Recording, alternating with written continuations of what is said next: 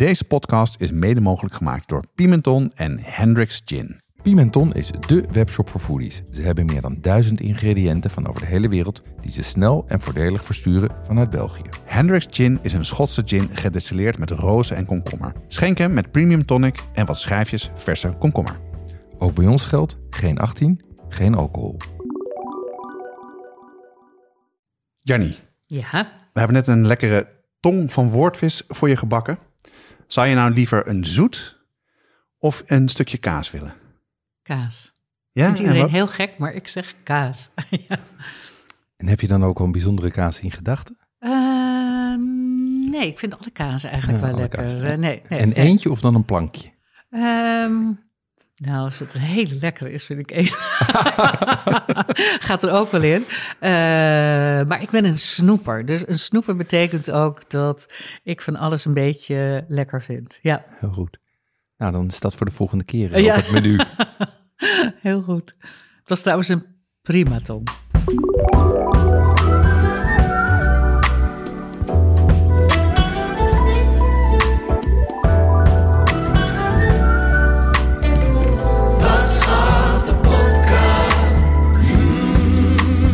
Jullie hoorden het al bij de opening. We hebben een gast. Het grote publiek kent haar als jurylid van Heel Holland Bakt. Maar interessanter zijn haar culinair journalistieke palmares. Ze stond aan het hoofd van onder andere Tip Culinair, Koken met Sterren, Live in Cooking, de Nationale E-test en Recipe Web. En passant schreef ze ruim 50 kookboeken. De grand dame van de Nederlandse culinaire journalistiek, Jannie van der Heijden. Welkom. Dankjewel, mooie intro. We gaan het eh, eh, met Jannie hebben over eh, hoe zij thuis kookt, vroeger en nu. Ehm, over haar carrière in de Nederlandse culinaire media. Eh, de relatie tussen kunst en, eh, eh, en eten. Mhm. En hoe ze aankijkt tegen de grote trends van de afgelopen 40 jaar. Want zo lang draait ze al mee. Mhm, Ja, zeker. Maar voordat we met Jannie de diepte ingaan, nog even het volgende. Deze podcast draait op donaties. Doe een donatie, zodat we deze podcast kunnen blijven maken. En donateurs worden meteen lid van de brigade. Daarmee krijg je toegang tot onze online community en brigadeactiviteiten. Aan het einde van de podcast vertellen we je er meer over of ga naar watschaftepodcast.nl voor meer informatie. En we beginnen zoals altijd met een drankje. Ehm, en eh, we hebben voor, Janne, eh, voor Jannie iets eh, bijzonders uitgezocht. Ehm, ik heb uitgezocht, ik heb gekregen van Xavier van Okhuizen een Sec du Château Closio. Ehm, en dat is een droge Semillon uit Barzac. Barzac kennen we vooral van de ehm, eh, dessertwijnen Zoetwijn. van de ja. zoete wijnen. Ehm, maar daarvoor moeten die, eh, die, de, de wijnstokken van de Semillon moeten natuurlijk worden, eh, worden ontdaan van een deel van de druiven, waardoor de smaak concentreert in de rest. En die druiven die ze er tussenuit halen, die vergist, hij, vergist hij ook op hout. En daarmee maakt hij deze Sec du Château Closio. En dat leek mij een, een, mooie, een mooie wijn om hier even te drinken. Dus ik schenk je even een glaasje in. Ja, heel graag. Jannie, ontzettend leuk dat je er bent. Proost. Dankjewel. Ik, Proost. ehm, zo, dat klinkt al goed, hè? Mooie neus. Dat is een fijne wijn. Ja, vind je hem Mm, lekker? Ja, ik vind hem heel lekker. Hij is, ehm, proeft hout. Ja, Hij heeft, een, eh, hij heeft een sterke neus. Hij heeft een mooie kleur. Hij heeft een, eh, een, een vrij diepe kleur, hè? ja vrij, hij is vrij geel, hè? Ja. Niet, eh, niet zo naar het groene, ja. Ja. Hij ziet er prachtig uit. En, ehm, en hij heeft, en, en wat, je ook, eh, wat ik in ieder geval rook, want ik drink eh, nog steeds niet. Nee, want Jeroen drinkt eh, een eh, soort van thee. Hè? Ja, ik drink een, eh, een iced tea. Ik heb Dat- een lekker wijntje. ja, dat is, daar, kijk ik ook, daar kijk ik met jaloezie naar. Eh, proeven, Jeroen? Eh, ja, over een, eh, over een week of zes. Ja. Eh, nee, ik heb een, eh, ik heb een iced tea. ehm, en die, eh, die werd mij getipt door, eh, eh, door Nico Brandsen, die, eh, die de muziek heeft gemaakt van, eh van Watschap de podcast. En die, ehm, was in, eh, die, die drinkt al anderhalf jaar niet. En die was in Frankrijk en die zei, dit is de eerste iced tea, of laat ik zeggen non-alcoholische Mhm. drank die ik heb gedronken, die echt goed bij eten gaat. Dus eh, ik heb, En? ik, ja, ik vind hem erg lekker. Hij is, Oh, wat het mooie is, is dat hij complexiteit heeft en gelaagdheid en niet zoet is. Hij is Ja, ik echt kan net droog. zeggen, want dat zoete is gewoon niet lekker. Nee, dat is funest. Ja. Nee. Dus, eh, nou, dan hebben wij wat te drinken voor de rest van de Nou, opname. hartstikke goed. Nou, eh, onze gast Jannie eh, is aanwezig. En ja, de, het grote publiek kent je voornamelijk, denk ik, van eh, Heel Holland Bakt Mhm. als jurylid. Ja, klopt. Maar je hebt een uitgebreide culinaire carrière en eh, dat willen we even voor je Mhm. samenvatten. Ja. Jannie van der Heijden is opgegroeid in de omgeving van Haarlem. Eten was belangrijk in Huizen van der Heijden. Moeder kookte vaak en goed. Niet alleen de toen gangbare Franse klassiekers als Charlotte Russe, maar Italiaanse pasta, wat in de jaren 60 ronduit exotisch was. Vader van der Heijden was jager en moestuinier en die zorgde dus altijd voor wild en verse groenten. Jannie studeerde Nederlandse taal en letterkunde aan de UvA en trouwde op haar 21ste. Hebben wij bij elkaar gepuzzeld. Klopt ook helemaal. Ja, gelukkig. Ehm, na haar studie ging ze werken als vertaler bij een uitgeverij van kookboeken.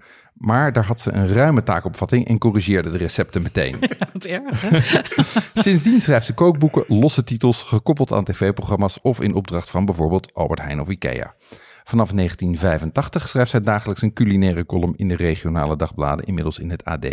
Daar is ze volgens mij in 2018 mee gestopt. Ja, klopt. Ja. ja. Goed Rond- geïnformeerd. Rond die tijd heeft ze ook enige tijd een culinaire rubriek gehad in een radioprogramma van Ted de Braak en Dick Paschier. Iconische mensen voor, eh, Ja. iconisch voor mensen van onze leeftijd. Ehm, eind jaren 80 krijgt Jannie in korte tijd een aantal zware tegenslagen te verduren. Haar beide ouders overlijden in een tijdsbestek van een paar Eind maanden. jaren 90. Eind jaren 90. Ja, eind jaren Even 90. met de rode pen. Ja, Eh, ehm, eh, eh, over, ze komt in een scheiding terecht en wordt zelf ernstig ziek. Deze persoonlijke drama's betekenen een kantelpunt in haar professionele carrière. Vanaf 1998 is zij eindredacteur van Koken met Sterren en met Cas Spijkers. Daarnaast start zij in 2000 als editor-in-chief van de ambitieuze culinaire start-up Recipe Web. Als dat avontuur in 2001 ten einde komt in de dotcom crash, wordt Van der Heijden hoofdredacteur van het toonaangevende culinaire tijdschrift Tip Culinair, het latere Delicious. Koken met sterren wordt voortgezet als live in cooking, ook onder leiding van Van der Heijden. Terwijl zij vrolijk doorgaat met kookboeken schrijven, verschuift het merendeel van haar werk naar televisie. Ze is eindredacteur en of samensteller van onder andere Masterchef, De Nationale Eentest, Mijn Tent is Top, Paul's Puber Kookshow en Koffietijd. Bij de ontwikkeling van Heel Holland Bakt was zij in eerste instantie ook vooral inhoudelijk betrokken. Voor de pilot nam zij de rol van jurylid op zich, maar dat bleek zo goed te werken dat ze ook in de serie die rol kreeg. Naast Heel Holland Bakt heeft zij inmiddels een tweede programma met co-host André van Duin en een eigen programma op 24 Kitchen. Daarnaast legt zij de laatste hand aan het smaakpalet van de lage landen. Hierin onderzoekt Jannie de traditie en eetcultuur van de Nederlanden aan de hand van iconische schilderijen. Ademhalen, Jeroen. het is een lijst, ja, hè? het is Ja. een ja. Nou, het is een super interessante lijst. Klopt Ja. dat een beetje? Ja, ja er zit, eh, in sommige eh, zit er wat tijd tussen, maar eh, in zijn algemeenheid klopt het. Ja. Ja, Ja. Ja, dat was nog een heel werk om dat bij elkaar te Ja. puzzelen. Want het is echt een, eh, het is Het een is hele best lijst. veel, hè? Ja, ja, ja. Ja. Ja. en ook heel divers. Ja, ik heb, nou ja, ik weet dat mensen ooit wel eens tegen mij zeiden: ja, je moet focussen, je moet je op één ding richten. En dat heb ik nooit gekund. En dat is eigenlijk later mijn grote voordeel geworden. Eh, want daardoor weet ik wat de tone of voice in ieder medium eigenlijk Mm. is. Want je kunt het zelf, de boodschap voor televisie is iets anders dan voor radio of eh, voor een tijdschrift. Dus daar heb ik veel van geleerd. Hmm. Leuk. Jonas, we hebben een eh, aflevering gemaakt over hot sauces. Dat deden we samen met de mannen achter Heat Supply. Deze hot sauce bazen hebben zelf ook een serie saus uitgebracht. Rijmakers, heetmakers genaamd. Ja, en dat zijn sauzen die niet alleen maar focussen op hitte, maar ook op smaak. En dat is voor ons een kenmerk voor een goede saus. Ze lopen op in pittigheid, eh, van de milde immune booster tot aan de brain buzzer die behoorlijk heet is. En eh, wat ik er zo leuk aan vind is dat het een echt Nederlands product is. En dat het prachtige flesjes of doosjes zijn. Nou ja, een flesje die uit een doosje steekt. Eh, heel mooi en eh, leuk als cadeau. Je vindt rijmakers, heetmakers op heatsupply.nl of vraag ernaar bij je delicatessenzaak. Nou, je groeide op, dat hadden we al gehoord, Ja. in een middenklasse gezin in het Kennemerland, in, Ja. in Haarlem en omstreken. En daar eh, werd goed gekookt. Je Heel moeder goed gekookt, ja. kookte bijzonder goed, volgens mij, als ik het onze onderzoek een beetje gedaan hebben. En dat was in de jaren zestig. Daar werden zelfs dingen als paprika werden Ja, gekookt die wat ja. minder gangbaar waren. Ja, En wat stond er eigenlijk bij jullie op het menu of op tafel bij de familie? Ja, ik kan, dat heb ik me pas later gerealiseerd hoe bijzonder dat was, want er werd bij ons heel divers gekookt. Ehm, er was dus niet de klassieke, wat veel mensen tot eh, nou ja, zeg maar het eind van het decennium wel eh, eh, hebben gegeten, aardappelvlees, groenten. Nee, het was heel divers, dus ook rijst, ook pasta. Ehm, ehm, ja, wild werd er ook natuurlijk veel gegeten. Ja, want je vader, je vader Jaagde jaagde, ook. hè? Ja. en dus ik ben ook opgegroeid met het leren, analyseren van wat proef je nou? Hm. Ehm, wat heeft dit konijn gegeten? Oh ja? Kan je dat aan de kleur zien? Kan je dat terughalen? Wat Echt heeft die waar, verzand? ge- Ja. En ehm, discussies aan tafel over smaken van kruiden, of dat wel goed was. Kervel, mijn moeder, als mijn moeder dopertjes maakte, waren dat altijd verse of uit de diepvries. Maar er moest altijd het hart van de sla in. Later realiseerde ik me In, dat, in de dopperten. ja, werd meegestoofd. Ja. Echt waar? En Ja. wat, wat doet dat dan? Ja, dat geeft net even dat wat meer fris eh, eraan. En later realiseerde ik me dat het gewoon heel klassiek Frans is. Maar ja, dus in die trant ben ik opgegroeid ehm, met uitgebreid en niet in, eh, op zaterdag zoals sommige mensen dan makkelijk, maar juist uitgebreid op zondag altijd gasten aan tafel. Dus uitgebreid. Heel Ja. uitgebreid. En, en was het door de week en in het weekend hetzelfde? Of was het in de week, we- door de week wel eenvoudiger? Ehm, ja, dat kon eenvoudiger zijn, maar ehm, ja, ook exotisch wel. Want Mhm. ehm, ik weet dat mijn moeder had dan ook recepten van allerlei mensen uit meerdere eh, streken van de wereld. Dus ik kan me nog herinneren dat mensen daar heel gek van konden als ze dat bij ons eh, konden kijken. Ze had een zuurkool, dat had een recept, zoals mijn moeder zei, van een wit Russin eh, die ooit gevlucht was, gekregen. Ja. En dat was zuurkool met een ingemaakte tomatenpuree, slagroom. Ja, dat je nu denkt, huh, wat een combi. Ja, nee, is fantastisch. Is echt heel lekker. Maar dat dus altijd combinaties die niet voor de hand liggen. Mhm. Daar ben ik, eh, ja, heb ik een smaakpalet voor opgebouwd, ja. Leuk. En, en was het altijd eh, eh, je moeder die kookte? Of ook Nee, mijn vader kookte nooit. Nee. Nee, nee, nooit. Nee. kon geen ei bakken? Eh, ik denk dat hij het waarschijnlijk wel gekund heeft, maar deze- Nooit meegemaakt? ik zit te denken, heb ik hem ooit wel eens... Ehm, ja, ik heb hem wel eens oliebollen zien bakken. Oh ja. Eh, dat, ja. Ja. Ja. Ehm, maar verder niet. Nee, dus mijn moeder maakte ook zelf kroketten. ehm, nou, allemaal van dat soort dingen. Ja. Ja, wat me fascineert, want dat is waar heeft ze al die kennis vandaan gehaald? Want dat klinkt niet als een, een tijd waarbij de media zo aanwezig is zoals nu en dat je even iets kan googlen of iets kan opzoeken. Nou, hoe, hoe, waar kwam haar repertoire vandaan? Ook van huis uit, denk ik. Want mijn tante, haar zuster, ehm, die was precies hetzelfde. Ze hadden ook altijd discussies over, over de telefoon. Want die belden elkaar dagelijks eh, over recepten. En heb je dit geproefd? Nou, dit is helemaal niks in te doen. Eh, ik weet dat mijn tante, die 96 is geworden... Toen, ik, toen zij 95 was, oud en nieuw bij haar vierde... maakte zij gewoon nog een omelet Sibérien met eigen gemaakt ijs. Echt waar? was Wat- 95. Ja? ja. Zo, ja. oké. Ja, Ik hoop dat, ik dat nog kan als ik Ja. 95 ben. Ja. Nee, maar dat deed ze dan. Wat ja. leuk zeg. Wat Ja. leuk. Maar ja, overduidelijk heb jij die, eh, heeft je moeder een enorme invloed gehad, culinair, en heeft er heel veel aan je meegegeven.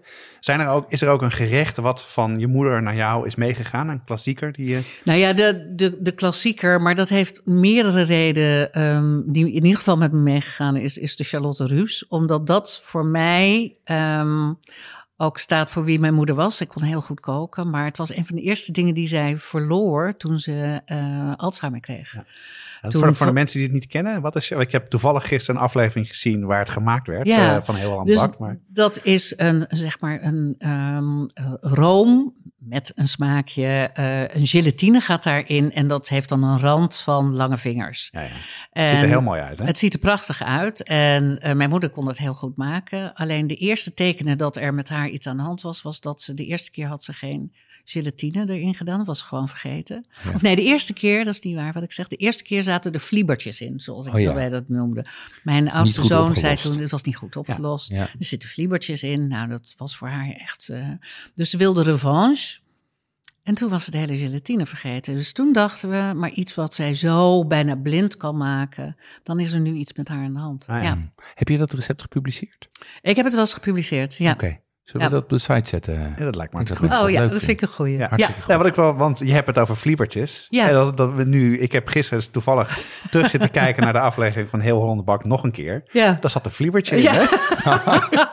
ik ben daar dus heel gevoelig voor. Ja. Ja, dat, dat was de eerste hap die je nam, ik, Nou ja, weet je, het, het gekke is, want ik weet dat mensen in het begin, eh, toen ik ging jureren, wel vreemd aankeken tegen eh, dingen die ik dan zei, wat ik proefde.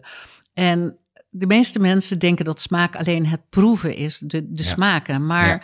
mondstructuur is minstens zo belangrijk. Ja. Ja. Dus als er iets geks in zit, ja, dan proef ik dat onmiddellijk. Ja. Grappig, ja. Ja, dat, dat, nou, dat is een van, een van mijn hobbyhorses ook. Om, Ja. om mondstructuur. Wat, dat zie je, het, het is ook een heel westers ding, hè? Want in de Aziatische keuken is mondgevoel veel belangrijker en veel prominenter. En worden Ja. gerechten ook uitsluitend op mondstructuur gewaardeerd. Precies, ja. Dingen als, als eh, eh, eh, kippenvoetjes bijvoorbeeld. Ja. Die gaan eigenlijk alleen om het, om het knagen van die... eh, van, dat van, van dat, ja, van dat, hoe noem je dat ook weer? De- vlees eraf trekken. En dat Ja, maar ook dat beetje- gelatineuze, bijvoorbeeld wat wij eng vinden, dat wordt daar hoog wordt hoog gewaardeerd. gewaardeerd. Ja, ja. maar mondgevoel is natuurlijk heel... Pasta is hetzelfde. Ook, Ja. Gaat ook heel erg over Ja. mondgevoel. Ja. Hey, en kookte jij zelf ook? Moest jij ook koken vroeger? Hoe is, hoe is nee, die, dat is het gekke. Kijk, ik heb het natuurlijk altijd gezien. Ik mocht, eh, er werd ook gebakken bij ons thuis. En dan mocht ik wel een cake maken. Nou, dan wist ik dan wel, want er werd alles klaargezet. Maar dan kreeg ik eh, eh, te horen dat ik het te lang geklopt had, waardoor de boel barstte. Of, eh, dus ik kreeg al heel snel mee hoe het wel of niet moest. Maar mijn moeder was ook zo van, nee, dat doe ik zelf sneller. Ja, ja, dus ja. eh, echt koken thuis. Ik ging pas koken toen ik ehm, ging studeren. Ja, ja, ja. En ik maakte wel eens een enkel keer iets. ehm, maar niet dat ik echt eh, heb leren koken. Nee, ik heb Mm. het gezien. Je hebt het gezien. En, en toen je trouwde vrij jong Ja. en ging, naar wij aannemen, ook snel samenwonen. Ja, Ehm, welke rol speelde eten in, in jouw eigen jonge gezin? nou voor het gezin eigenlijk al. In het studentenhuis waar ik toen eh, eh, woonde, eh, had ik regelmatig eh, woordenwisselingen over het aantal pitten wat ik in beslag nam Aha. in Ah, ja, maar- keuken. Maar toen begon je dus wel al Ja, dat was, al- ja, toen begon ik echt te koken. Ja. Ja. Omdat ik het gezien had en ik ehm, eh, van variatie hi- hield. En van uitgebreid. Mhm. Ehm, Dus niet elke dag een AVG'tje. Nee, nee, Nee, nee. nee. nee. Nee. dus eh, toen ben ik echt begonnen met experimenteren. Ja, En, en toen, je, toen je ging samenwonen of, eh, met, je, met Dat- je echtgenoot? ja, ja, die heb ik in die tijd leren kennen. Ja. Ja. En eh, ja, koken was, ja, dat hoorde er gewoon bij. Dat Mhm. moest, ja. Ja. En, en was dat ook iets wat het... eh, was het wel zo dat jij altijd kookte of kookte hij al? Nee, hij kookt. Nee, hij, nee, soms wel eh, rood vlees of zo. Maar ja, eigenlijk kookte ik altijd. Ja, ja, klassieke, klassieke mannen dingen. Ja, ja, zeker je, in je die vader tijd. oliebollen Ja. en je man rood vlees. ja, ja, dus, Ja, ja. ja. Ja, ik moest gewoon voor mijn moeder koken hoor. Vanaf mijn veel beter, Ja. veel Ja. beter. Ja. Ja, nou, ik herken wel wat jij zegt over, over kritiek. Want ik heb dat, ik kreeg laatst van mijn oudste zoon op mijn kop. Die zei, ja, ga nu maar weg. Want ik, ik laat me zelf maar even mijn fouten maken. In plaats van dat ik de hele tijd over... Ja, Ja, ja, ja. dat staat Ja. natuurlijk ook allemaal zo te wijzen hoe het dan wel en niet Die heb ik moet. ook wel Ja. gehad. Ja, pap, ik weet hoe ik moet snijden. Ja. Ja, ja. Mooi hè? Ehm, en en ehm, hoe heb jij dat gedaan met de, met de culinaire opvoeding? Je hebt twee zoons. Ja. Hoe heb je die, die, de culinaire opvoeding daarvan aangepakt? Eh, veel proeven, veel proeven. Ja. Ehm, kijk, ik ben zelf. Ik was een lastige eter, hè? dat moet ik er wel even bij Aha. zeggen. Ik was als kind was ik een lastige eter. Maar er werd dus nooit een drama van gemaakt. En als ik iets niet lekker vond, dat zei mijn moeder altijd. ehm, je moet een hapje proeven, Ja. want wat je vandaag niet lekker vindt, dat kan je morgen misschien wel lekker vinden. Dus als je het echt niet lekker vindt, dan maak ik wat anders. En dat was ook zo. Dus eh, ik heb nooit conflicten om eten gehad. Dus eten heeft voor mij altijd een hele positieve lading ja, gehad. ja. En ehm, ik heb eigenlijk dezelfde instelling een beetje met mijn kinderen gehad. Van ik ga geen drama om eten maken, maar je moet wel proeven. En mijn eerste kookboek wat ik schreef, toen was mijn eh, oudste een paar maanden toen ik daaraan begon. Dus die is eigenlijk eh, heel erg opgegroeid met pasta. ja, want het was een pasta boek, hè? Was pasta boek. Ja. En die, die heeft heel veel te moeten proeven. En die, eh, die vindt pasta nog steeds wel lekker. ja. Ehm, is, er, is er even die- diezelfde vraag die Jonas jou net stelde. Is er een gerecht dat jouw zoons of hun partners maakten, dat ze maken zoals jij het maakte? Dat zij maken zoals jij het maakt? Mm, Even denken hoor. Ja, misschien een, een, een, een buff bourguignon. eh, dat ze dat, ja, die traditie over. Ja, dat, dat wel. Het is eigenlijk meer dat mijn zoon dat overgenomen heeft. Ja, Ja, ja. dus die maakt de buff bourguignon zoals, Ja, eh, zoals ja. oma die maakt. ja maar dan ook wel weer met een eigen variatie. Van dat die, eh, zij hebben een wat eh, ehm, meer. Ja, wat meer variatie in eh, kruiden erin. Eh, wat, wat sterker van smaak. Terwijl ik me meer wat op de klassieke vlakte hou. Maar hoe, die- hoe maak jij een buff bourguignon? Want daar ben ik wel even benieuwd naar dan. Ik mari nou ja, ik zal je zeggen, ik marineer het vlees Oké. eerst. Wat voor Ehm, vlees neem je? Ehm, ja, rundvlees, goede Ja, rundelappen. En Ja. ik, ik vind het belangrijk dat het grote stukken zijn. En niet van die kleine stukken. Nee. Hetzelfde als ik een kalfsblanket maak. Het moeten minstens zulke stukken zijn. In Frankrijk begrijpen ze dat. Eh, en dan, hier in Nederland moet het altijd in van dat, dat poulet. Daar, eh, alleen het woord al, daar eh, word ik niet goed van. ja Dus want het wordt, je als, moet het, het als het zelf wordt het, wordt het, wordt het dobbelsteentjes. Nee, waardeloos. Dus je moet het zelf snijden. En ehm, als er vet aan zit, bij wijze van spreken, dan, ehm, dan bak ik dat eerst mee. Ja, Dus dat ik dat de vleessmaak wel heb het, het- en ik, ik laat het meestoven en dan haal ik het er daarna uit. oké. Maar ehm, ik laat het er niet aan zitten. Nee. Dus het- ehm, de, de vet gebruik je als smaakmaker door Ja. het te bakken. Maar Ja. als dan, eh, de, het vet zelf gaat dan weg. gaat meestal weg. Ja. Slim. ja, ja. En ehm, ja, ik, ik gebruik er eh, natuurlijk sowieso uien, eh, paddenstoelen, eh, worteltjes. eh, en dat moet allemaal lekker langstoven. Maar ik braad mijn vlees als het gemarineerd is. dan eh, doe ik er wel altijd eh, even wat bloem overheen, Ja, zodat het ja. goed droog is. En dan Ja. bak ik het aan. Dan is het natuurlijk, omdat het gemarineerd heeft, is het niet helemaal krokant. En dan doe ik de wijn eh, en de bouillon. eh, En- meestal vol bij. En waar marineer je het in dan, het vlees? Rode wijn. Rode wijn. Ja. Ja, want dan gaat als het ware de eiwitstructuur, die, die wordt al wat losser. Dus het wordt, het wordt zachter. Het wordt veel zachter. En marineer je dan ook in Bourgogne? Eh, ja, Ja. want ik vind als je een bouillon, dan moet het een Ja, bourgogne. ja, ja, ja, ja, nee. ja, dat doe ik ook. En dat is van nature al een wat zuurdere wijn. Hè? Ja, dat, klopt. Dat Ja. helpt natuurlijk met het afbreken van Ja. de eiwitten. Ja. En daarom zie je vaak dat in de Bordeaux-streek er veel meer sauzen bij zijn. Ja. Die geef je erbij. Ja. En, en garnituur vervolgens eh, erbij op je, bij je bourgogne? Of gaat dat erin mee? Het gaat erin mee. Oh ja, want als je Bocuse leest, die bakt garnituur apart. Hè? Apart, Zijn uitjes klopt. en zijn, zijn Ja. champignons en zijn spekjes. En daarna ik, doe het wel, ik doe het wel apart, eh, omdat ik vind dat alles zijn eigen ideale garings. eh, Ja. eh, maar ik voeg het wel in de bourguignon allemaal bij elkaar. Het stooft mee. Ja, het stooft ja, mee. ja, ja. Lijkt me nog een recept op de site trouwens. eh. ja, toch? Absoluut, Ja. als het kan. eh, als ja, je dat tuurlijk. wil, heel graag. Ja. tuurlijk. Nee, en het is dan niet zo dat je bij je zoon thuis komt en je ruikt al dat het opstaat, dat je even de pan open doet en even een kritische blik naar binnen werpt met een beetje je moeder in je achterhoofd. En vraagt, wat doet die oregano daarin? Eh, ja. Nou ja, of dat je zegt, wat heb je voor eh, vlees gebruikt? Ja, ja, Oh, ja. ja. Oh, Ja. Ik zie wat vet Ik weet nou, nee, eh, andersom. Ik weet de eerste keer dat hij het maakte en dat hij zei, ja, ik begrijp het niet, want het is eh, eh, toch niet zo zacht als bij jou. Maar had hij heel mager vlees gebruikt. En dat, er moet gewoon een aardappeltje vet in zitten. Ja. Want ehm, nou ja, als je een beetje een biefstuk, daar kan je echt geen eh bouillon van maken. Nee, nee. Nou, we hebben het nu eh, over het gezin, maar er is een Mhm. periode gekomen dat het gezin eh, en je ouders er niet meer waren en je man Mhm. vertrok. Mhm. En wat we altijd, wat als je daar jouw interview leest, dan is dat voor, de, zeg je altijd, dat is de katalysator geweest voor mijn, voor mijn eigen Ja. professionele carrière. Je Ja. had iets van, ik ga gewoon, ik ga nu laten zien, ik ga aan de slag. Ja, Hoe, hoe is dat gegaan? Nou ja, kijk, ik schreef natuurlijk al en ik schreef ook al voor de kranten. Eh, dus het was niet iets nieuws of zo. Eh, maar ik ben het wel gaan intensiveren. En ik ben toen in die tijd met televisie begonnen met eh Cas Spijkers. Waar ik altijd enorm tegen opgekeken had. Mhm. Eh, en nu ging ik dus een programma zelf met hem maken. En ehm, wat voor mijn voorwaarde was, ik was namelijk daarvoor zelf gevraagd of ik in dat programma een eh, rubriek wilde hebben. En ehm, daar, nou ja, daar zou ik dan met pakjes en zakjes. Toen zei ik, ja, maar dat doe ik niet, want dat heb ik nog nooit gedaan. Dat ga ik ook niet eh, voor televisie doen. Ja, maar dan kom je op televisie. Ja, dus. Ja. dus ze vonden mij heel erg wijs. En toen ben ik een half jaar later gevraagd. Luister, jij had specifieke ideeën. Want ik zei ook in datzelfde gesprek dat ik het belachelijk vond dat een chef van de statuur van Cas Spijkers met pakjes en zakjes kookte.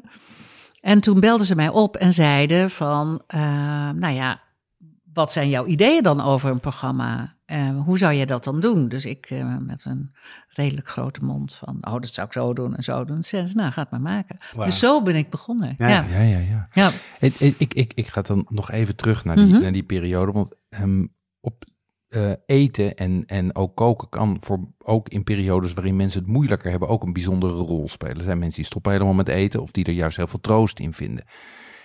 Wat, wat voor rol speelde eten en koken voor jou in die periode? Mm, ik denk niet dat ik eh, meer of minder ben gaan eten. Ehm, misschien wel anders. Eh, omdat mijn smaak misschien iets meer, iets exotischer was dan van, eh, van mijn ex. Ja, Ehm, Dus misschien dat, ja, dat ik wel iets anders ben gaan eten, maar niet in hoeveelheden of in troost zoeken in. Nee. nee. nee. En, en, en want als je op dat moment gaat werken en ook een jong gezin hebt, dan neemt de hoeveelheid tijd die je hebt, Ja. neemt af. Ja. Hoe, hoe, hoe ging je daarmee om? Nou ja, dat is eigenlijk altijd. Ik denk dat heel veel werkende vrouwen dat wel eh, herkennen. Een eeuwig schuldgevoel naar de een of naar de ander of naar je werk. Van ik had nu eigenlijk eh, nog wel wat langer kunnen blijven. Of naar je kind van ik zit nu op mijn werk en mijn kind is alleen thuis. Die was natuurlijk alleen toen. Ja, Ehm, en dat heb ik misschien wel gecompenseerd in die zin met hem extra te verwennen met eten. ja, Ja, ja. Dat is de jongste zoon dan, hè? ja Die, mijn eh, jongste. Ja. Er zijn ook werkende vaders trouwens. Ja, dat daar ik net van zeggen. Ik, hoor. ik herken het gevoel namelijk. Ja, ja. Ja, ja. Ik heb het ook wel, wel vaak Ja. gehad dat ik een vergaderingen zat en denk ik Ja. moet eigenlijk naar huis. Moet of, je, eh, moet, ja, precies. Dus die, ehm, ja, die heb ik denk ik extra verwend. eh, het is wat Italiaanse moeders ook Ja. doen. Hè? Ja. Als er nog een zoon thuis is, dan wordt hij... Daarom zijn ze zo moeilijk voor de schoondochter. Van, die gaan ze verwennen. ja, ja. Maar ja, dus, dus zie je dat rol, het eten daar toch wel een hele Eten, belangrijke rol heeft absoluut, absoluut, Ja. absoluut. Ja. Ehm, inmiddels zit je alweer in een, in een volgende fase van je leven, want je woont weer alleen. Ehm, je bent wel vrijwel dagelijks professioneel met eten bezig Ja. en ook professioneel aan proeven. Dat is natuurlijk ook wel een verschil met, laat ik zeggen, als je eh, vooral schrijft. Ja. Als je ook op televisie bent, dan moet je, zit je ook continu te proeven. Wij hebben je net ook weer, Ja. weer voorgestopt. Ehm, hoe beïnvloedt dat jouw, jouw kook- en eetgedrag? Als ik een programma als Heel van Ontbak maak, waarin ik zoveel zoet eet, ja, Ehm, dan probeer ik wel in die tussenliggende dagen wat meer groente, wat minder koolhydraten te eten. Eh, dat, ja, daar let ik wel op. Mhm. Ja.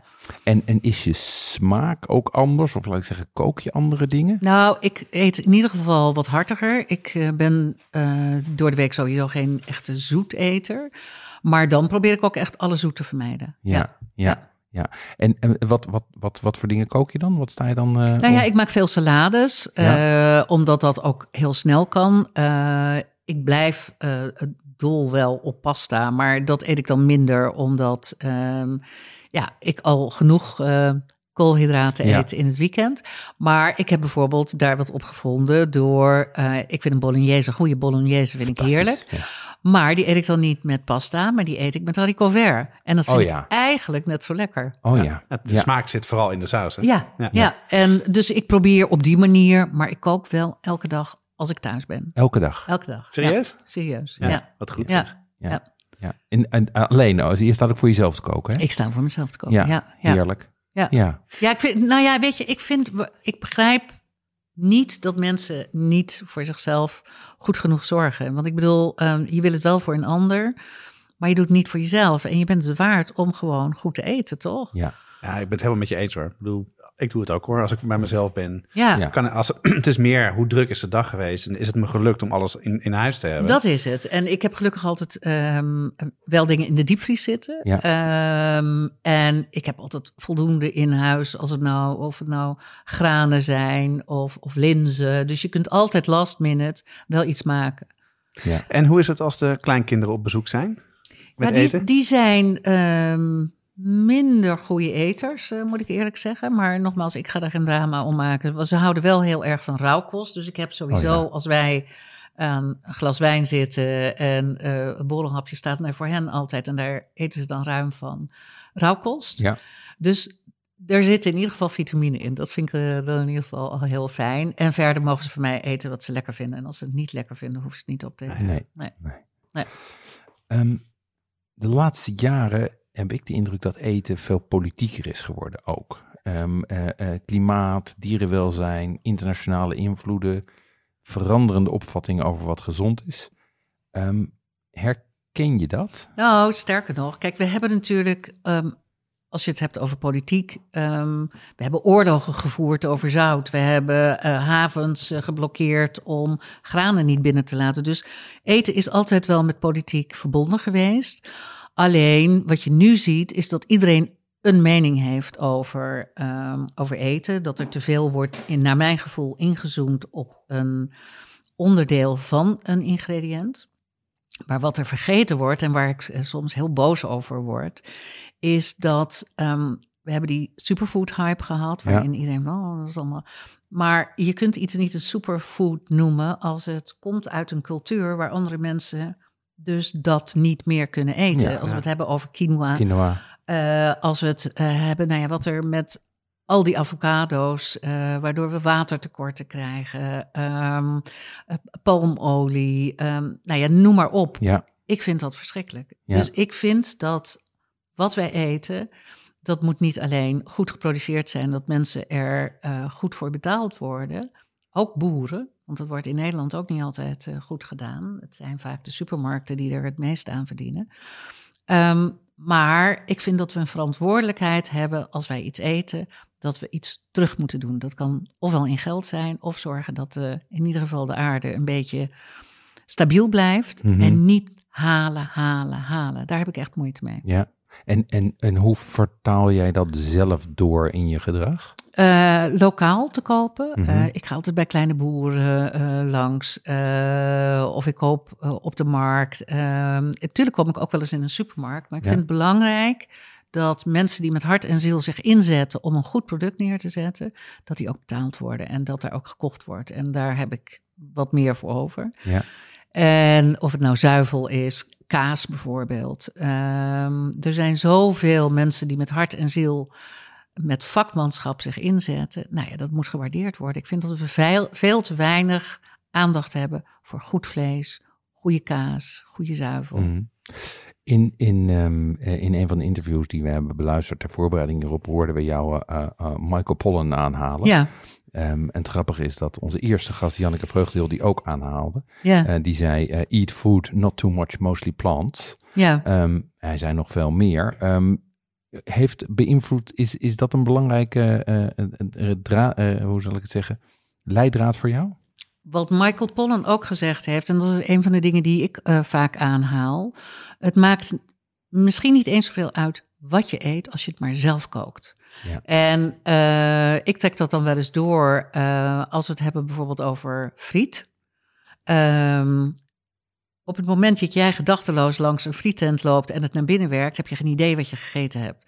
Maar als jij heel bewust die friet zelf snijdt, voorfrituurt, daarna gewoon affrituurt, zelf mayonaise maakt, dan weet je dat je dat nooit zes keer per week zult gaan doen. Ja. Dus die bewustwording van zelf koken, weten wat je doet, ehm, dan is dat eh, van je mag dit wel en mag dit niet al veel minder aanwezig, omdat je toch wel gezonder eet. Ja. Je eet, als het goed is, ehm, veel groenten, eh, je maakt het zelf. Dat is beter dan al die, al die kant-en-klaar dingen. Ja. Ja, want over friet gesproken, daar hebben we een hele aflevering over gemaakt. En ik heb zelfs de friet gefeund.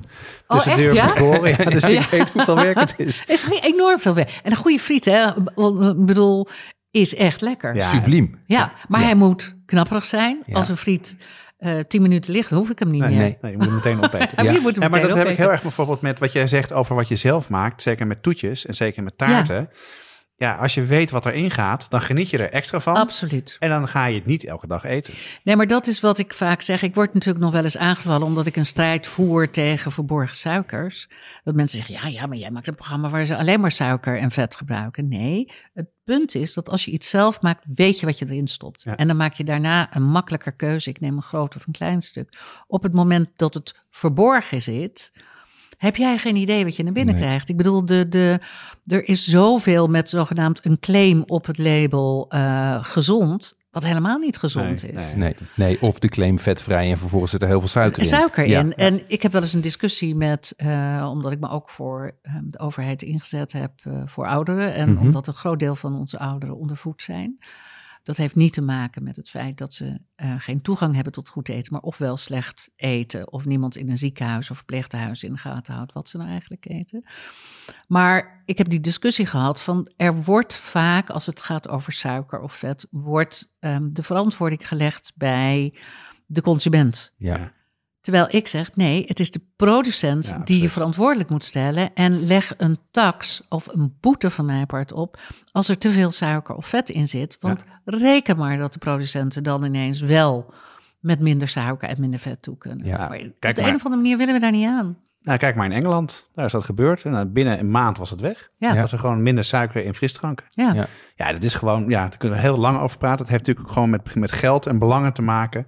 Ja, En dat maar is- ik vind dat de overheid een taak heeft. Hè? En daar ben ik, ben ik, ik weet dat dat niet door iedereen gedeeld wordt, maar ik vind wel dat de overheid een taak heeft om te zorgen dat iedereen toegang heeft tot goed eten. Ja. En dat zou soms kunnen betekenen dat je misschien ehm, ook wel schoolmaaltijden eh, moet gaan financieren of eh, er in ieder geval voor zorgen dat er misschien een hogere tax op, ehm, op de McDonald's en consorten komt. En eh, dat misschien gebruiken om voor gezond, gezonde voeding. Ja, ja, ja, want het is natuurlijk, het is veel, als je weinig tijd en weinig geld en niet noodzakelijkerwijs een opvoeding hebt gehad met koken, is het heel moeilijk om eh, als alleenstaande ouder te zorgen dat je kinderen goed eten. Dat is ook Dat zo. is Kijk, echt heel moeilijk. Dat is verdraaide lastig. En ik begrijp de keuze dat als jij als moeder de keuze hebt, kan ik sportschoenen voor mijn kinderen kopen of moet ik een bewust stukje eh, kip kopen? Dat zij voor die kiloknallers gaan. Dat begrijp ik heel goed. Ja. En daar mag je ook nooit iemand op afrekenen. Nee. Wat wij vaak vergeten is dat een groot deel van Nederland voor een hoofdmaaltijd niet meer dan 2,50 euro ter beschikking heeft per Ja. persoon. Nou, dat is schrikbarend. Dat is heel Ja. weinig, ja. En ik heb het wel eens aan, eh, met een, een quiz aan politici voorgelegd. En die, die kwamen dan naar me toe en die zeiden: Weet je het wel zeker? Weet je het wel zeker? Oh Want ja? dat kan toch niet? Die hebben geen idee. Nee.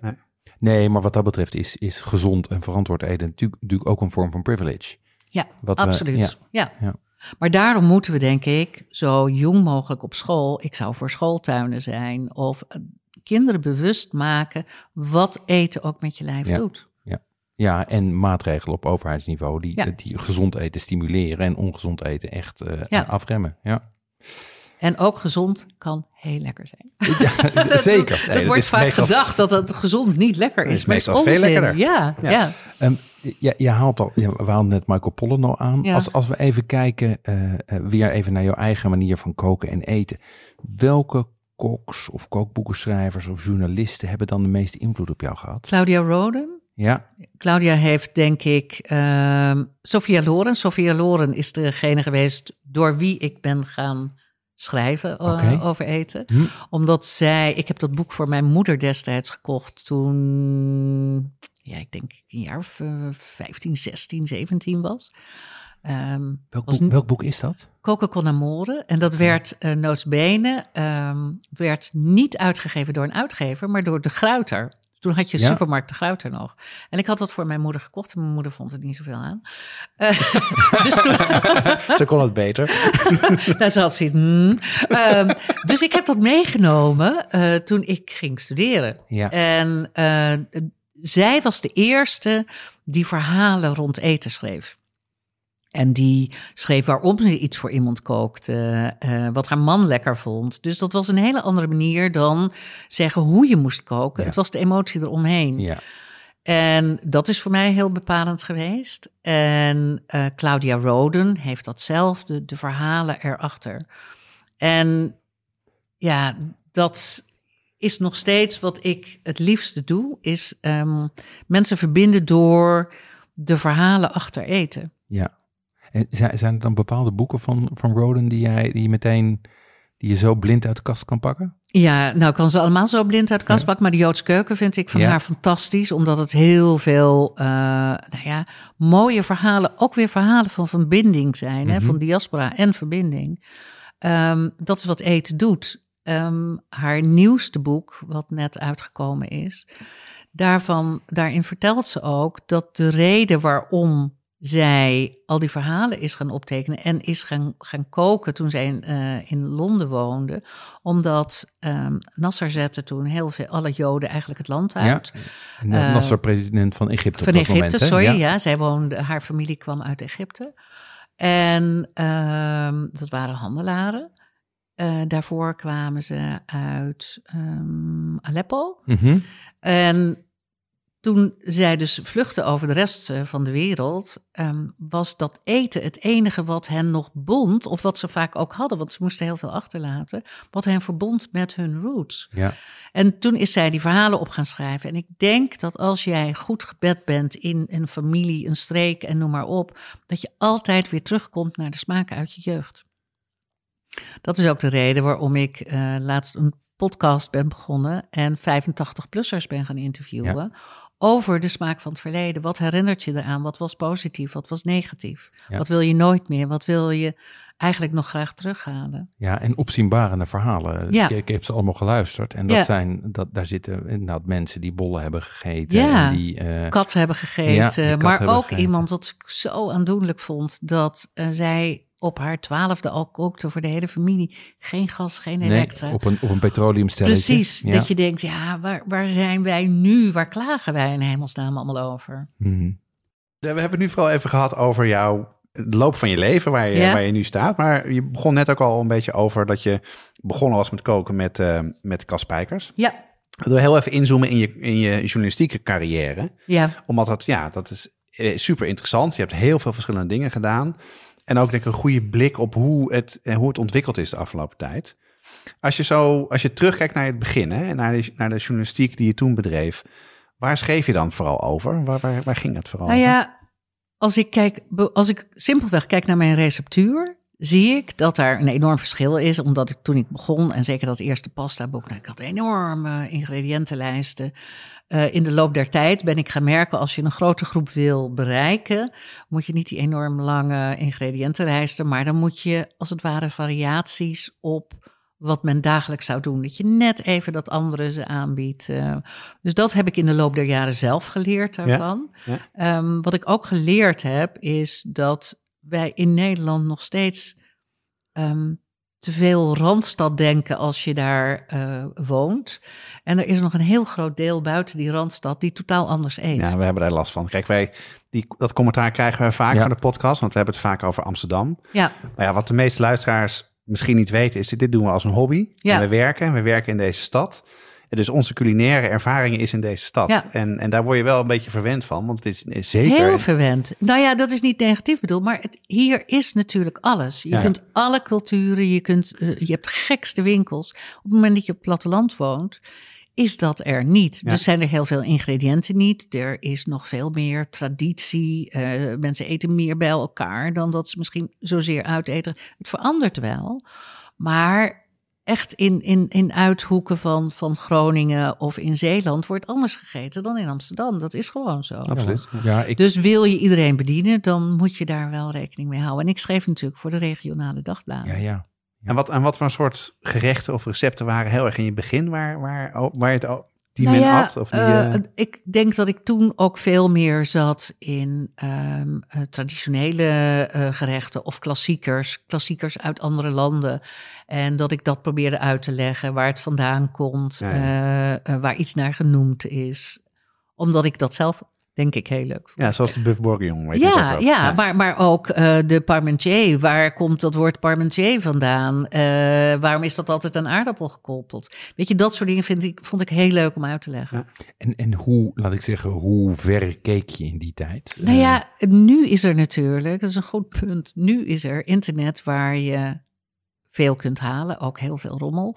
Eh, want niet alles klopt wat daar eh, staat. En ik moest het toen voornamelijk hebben van boeken. Ja, ja. Maar, maar laat ik zeggen, was dat dan vooral Europees? Of was dat ook al naar India? En Ja, naar dat probeerde ik wel. Ik, naar- ik denk dat ehm, ehm, Japan wat minder, dat ik daar weinig toegang toe had. Dat heb ik denk ik in die eerste jaren niet veel over geschreven. Later ben ik me daar wat meer in gaan verdiepen. Ehm, mijn jongste zoon zat op zijn zeventiende, ja, denk ik, ja, als, eh, als model in, eh, in Japan. Wo- woonde in Tokio, daar? ja, die woonde daar. zijn? Oh, zeventiende, Oké, ja. wauw. En eh, in, in, in Tokio en in Milaan en in Londen heeft hij dan Ja. een jaar eh gewoond. Kijk eens aan. Heeft sinologie en Japanologie gestudeerd. Dus die, die weet heel veel van beide culturen. Ehm, maar die heeft ook mijn oog geopend voor ehm, de bredere blik, omdat hij daar zat en daar heel veel van wist, in plaats van vaak de Europese vertaling. Ja, Dus eh, die nam dan ook wel boeken voor me mee. Ehm, daardoor ja, heb ik me daar beter in kunnen verdiepen Ja. dan wat er hier aan vertalingen was of wat Ja. je hier wel eens loskocht. Ja. ja maar dan, dan was je in die tijd dus toch in belangrijke mate beperkt tot, tot laat ik zeggen, wat er in boeken werd opgeschreven. Ja. En dus in toegankelijke talen. Want Ja. Thaise kookboeken, die zijn er ook pas, ook pas twintig, in het, Nee. in het Engels zijn er ook pas twintig jaar, zeg Ja. maar. Ja. nee, dus ik was echt afhankelijk van waar ik mijn hand eh, op kon leggen. Ja, En ja, met eh, de komsten vanaf eh, de jaren 2000, eh, zeg maar, ehm, is het makkelijker om toegang te krijgen tot, tot originele bronnen. Je kan naar websites uit die landen gaan. Die hebben soms ook wel een icoontje dat je dat meteen in het Engels kunt laten vertalen. Dus daar, ja. Want Dat als, je, als je nu komt, dat is, we zijn dus dan, als je naar deze tijd kijkt van internet en alles. En je kijkt naar de culinaire journalistiek, die is ja, enorm toegenomen. Mhm. Er is heel veel aandacht voor. Hoe, hoe heb jij het ervaren? Hoe heb jij die periode van toen naar nu ervaren? Als je kijkt naar de status van die journalistiek. Ehm, Is het beter geworden? Of, eh, Het is, het, het is anders geworden in die zin van, kijk, toen ik begon met schrijven waren er een aantal mensen eh, in Nederland die schreven. En we kenden elkaar allemaal. En, en nou, van Wina Born tot, ehm, eh, ik heb nog met Ton van S, eh Von Zwart. Nou ja, dat zijn namen uit een heel grijs verleden. Dat waren mensen die waren fulltime bezig met eh, schrijven over eten. Ehm, en die deden veel onderzoek. En wat je nu ziet is dat ehm, schrijven over eten ook een beetje een trend is geworden. Waarbij ik me soms verbaas over dingen die ik dan lees. Dat ik denk, komt dit nou even vandaan? Of ik kan precies zien waar dit eh, van gekopieerd is. Er zijn Ja. hele goede, maar er zijn ook dat ik denk, ja, had je dit nou wel moeten doen? ja, Nee, dat begrijp ik wel. Ja. Ja, ja, ja. maar er zijn ook hele goede. Ik bedoel, er zijn, eh, toen ik begon met schrijven, weet ik nog dat mij ehm, gevraagd werd op een gegeven moment op een, op een een of andere borrel. Als je nou echt mocht schrijven waar je over mocht schrijven, waar zou je dan over schrijven? Dat ik, ik weet nog dat ik dacht, maar ik schrijf over eten omdat ik wil schrijven over eten. En dat Ja. werd dus als iets inferieurs gezien. Ja. Ja. Ja. Maar dat is wel anders nu, denk ik. Dat toch? is nu totaal anders. Ja, Ja. En als je, je had het net over, eh, over jouw eerste tv-programma, eh, Koken met Sterren, met Cas. Spijkers. Kijk, wat, wat je natuurlijk heel erg hebt met, eh, dat was voor RTL, voor commerciële televisie. Dus daar Mhm. zit natuurlijk sponsors zitten daarachter. En wat je natuurlijk vaak krijgt met dat soort programma's, is dat natuurlijk ook producten gepromoot moeten worden. En dat het dus een soort spanningsveld is tussen wat je wil brengen en wat je aan het publiek wil brengen. En de Ja. financier van zo'n programma. Hoe ging jij daarmee om in die tijd? Nou, voor de, ehm, zeg maar degene die hun producten wilde sponsoren, niet zo goed. Nee, serieus? Nee, omdat ik heel erg grenzen eh, aangaf. Kas mocht van mij dus niet meer eh, koken met pakjes en zakjes, wat hij daarvoor wel deed, omdat ik het gewoon niet geloofwaardig vond. en ook zeg. geen goed voorbeeld. Ja. Dus het enige wat hij daarna nog deed, was eh, koken met olijfolie, twee soorten olijfolie. En dan zei hij eh, waarom hij de ene keer een extra virgin gebruikte en de andere keer, ehm, als hij ermee bakte, een vierge. Ja. Eh, koffie was een eh, sponsor, Ili was dat eh, destijds. En voor de rest ehm, gingen al die dingen die toen nog overbleven en waar ik, eh, ehm, die gingen naar de Girl Next Door die ik geïntroduceerd heb. Iemand die niet kon koken, maar graag wilde variëren. En daar zijn die dingen naartoe gegaan. Maar ja, dat was niet helemaal wat alle sponsors toen leuk vonden. Nee, nee, ik kan me voorstellen dat sales niet heel blij met je was in die tijd. nee, daar heb ik nog wel eens wat robbertjes Ja, maar ik vind, vind het Ja. wel heel goed, want er zijn genoeg tv-programma's geweest. eh, die, maar ik keek er ook, kijk er ook altijd graag naar. En als ze dan zo'n product in, eh, in Ja. beeld houden, ja, dan doe ik gewoon de tv uit. Want dan kijk ik gewoon niet verder. En dan denk ik dat het helpt toch ook niet dat mensen thuis die producten gaan kopen en daarmee gaan koken. Nee, en dat is denk ik wel iets waar, ehm, ehm, waar wel op een gegeven moment naar geluisterd werd. Dat, ehm, weet je, het is niet geloofwaardig als een twee-sterren-chef met pakjes en zakjes. Dat slaat nergens op. Nee. Dus dat, ehm, eh, het schiet zijn doel voorbij. Dat je iets wil promoten, oké, moet iedereen zelf weten. Maar dat is, ook toen ik een tip culinair deed, was dat heel ingewikkeld. Want ik vond dat ehm, als jij een kookblad bent, dat je niet kant-en-klaar dingen daarin moet hebben. Want dat is niet degene die ik wil bereiken. Ik wil degene bereiken die wil leren koken. Dus dat was ook nog wel eens een spanningsveld. Ja, want, want, want dat, kijk, zo'n tijdschrift draait natuurlijk heel erg Ja. op abonnees, maar ook op adverteerders. Ja, en wat, wat is eh, haalbaar en niet? En dan had ik wel discussies dat ik zei, zoek dan een ander soort wat er wel bij pakt. Of het nou over eh, pannen gaat of messen, eh, dingen die handig zijn, dat vind ik prima. Ja. Maar ik ga niet in een kookblad eh, eh, kant-en-klaar dingen. Dat vind ik gewoon niet kunnen. Maar dat heb je je hele leven volgehouden. heb Je hele- hele leven Wat volgehouden. goed zeg. ja, ja. Dat, is, dat is gewoon echt heel principieel. Want Ja. ik, ehm, iedereen mag van mij doen wat hij wil, hè, maar ik denk dat ik in die zin een voorbeeldfunctie moet hebben ehm, en moet laten zien dat het ook heel goed en beter nog kan zonder pakjes en Ja. zakjes. En wat is daar de gedachte achter? Want waarom vind je dat zo belangrijk dan? Vers, vers, vers, vers. Eh, leren om ehm, je smaak te ontwikkelen. Dan zal je zien dat je al die dingen ook helemaal niet meer lekker vindt. Nee. En het is gewoon niet goed wat er in heel veel dingen zeggen. Ik, kijk, er ontstaat nu gelukkig steeds meer een tendens om min of meer vers ehm, in de schappen te hebben in koelvitrines. Ehm, als daar eerlijke producten in zitten, vind ik het allemaal prima. Maar Ja. als er allerlei verborgen suikers in zitten ehm, en eh, dat er gewoon rotzooi in zit, Wat niet nodig is. wat niet nodig is, Nee. dat, dan ben ik er tegen. Ja, Ja. ja. Dan, dan we zijn wij het volmondig met je eens. Ja. Ehm, d- je, je- je noemde net al even Tip Culinair. Daar was Mhm. jij hoofdredacteur van. ja. Ehm, dat was de, voor de mensen die dat niet kennen, dat was eigenlijk de voorloper van Ja. Delicious. Hè? Het, Ja, grootste, eh, ja. het grootste kooktijdschrift van ja, het Nederland. was toen het enige. het ongeveer. enige. Ja, Ja. Ehm, wat, wat, wat trok je daarin aan om daar, eh, om daar hoofdredacteur van te worden? Ehm, ja, het is eigenlijk wel een heel geestig verhaal. Ehm, ik ben dat geworden na eh, dat hele, die hele internetbubbel. Ja, Ehm, Recipe Web, toch? Daar heb jij voor gewerkt, ja. Ja, ik, eh, ik was daar internationaal hoofdredacteur en we zaten binnen een jaar in vijf landen. Dus eh, ik was toen bezig ook om in Spanje en in Italië een vestiging te maken. Want het idee was dat we over de hele wereld een soort community zouden creëren. En ieder land had dan zijn eigen content, maar we konden het ook allemaal met elkaar delen. Dus gooi de wereld open. Grote studio's werden gebouwd ook. wel, Ja. wel een goed idee. Want nog het was een fantastisch idee. En ik weet dat Ep- Epicurious heeft er zelfs nog over gedacht om ons over te nemen. Maar goed, ehm, er was alleen maar groei, groei, groei. Ja, En er was natuurlijk geen enkel verdienmodel. nee. Het was allemaal heel leuk en heel spannend. Alleen, ja, er werd geen geld verdiend. Nee. Dus Ja. eh, toen hield het op. het was, eh, dit was ten tijde van de, de, ja, de, dotcom-bubbel, ja, hè? ja, 2001. 2000, 2001. Ja, we hebben allebei in die wereld gewerkt. Ja. En die periode van op de tafels dansen met champagne en geld joh. gewoon niet op, tot aan mensen oh ontslaan. man, werkplekken, dat wil je niet Ja. weten. Ja, ja. Ehm, en toen, ehm, toen at ik op een gegeven moment met eh, twee oud-collega's. Eh, ik ben altijd heel trouw in al mijn contacten. En eh, die, eh, wij waren aan het eten. En zeiden ze, wat zei je nou? Toen waren we dus net failliet gegaan. En eh, die zeiden, wat je nou echt nog wel eens willen? Toen zei ik, nou, wat ik echt ooit nog wel eens zou willen... want daar heb ik dan echt wel een missie in... is dat ik hoofdredacteur van Tip word. En toen keken ze elkaar en toen zeiden ze... ja, maar die heeft vandaag ontslag genomen. Dus ik zei, nee, dat, dat, eh, dat is niet zo. Eh, daar geloof ik niks van. Eh, het zal wel toeval zijn. Ik zei, nee, echt zo. Maar ja, goed, toen had je nog niet je telefoons en alles bij, Ja. bij de hand. Dus zij belde mij de volgende ochtend. Het is echt zo, zij heeft ontslag genomen. Ga er achteraan. En eigenlijk wilde ze toen al met tips stoppen omdat eh, het wat minder... Toen heb ik gezegd tegen de toenmalige eh, verantwoordelijke... geef mij de kans, ik krijg dat eh, blad wel weer heel erg wijs. Ik krijg dat wel weer omhoog. Ik weet zeker dat dat kan.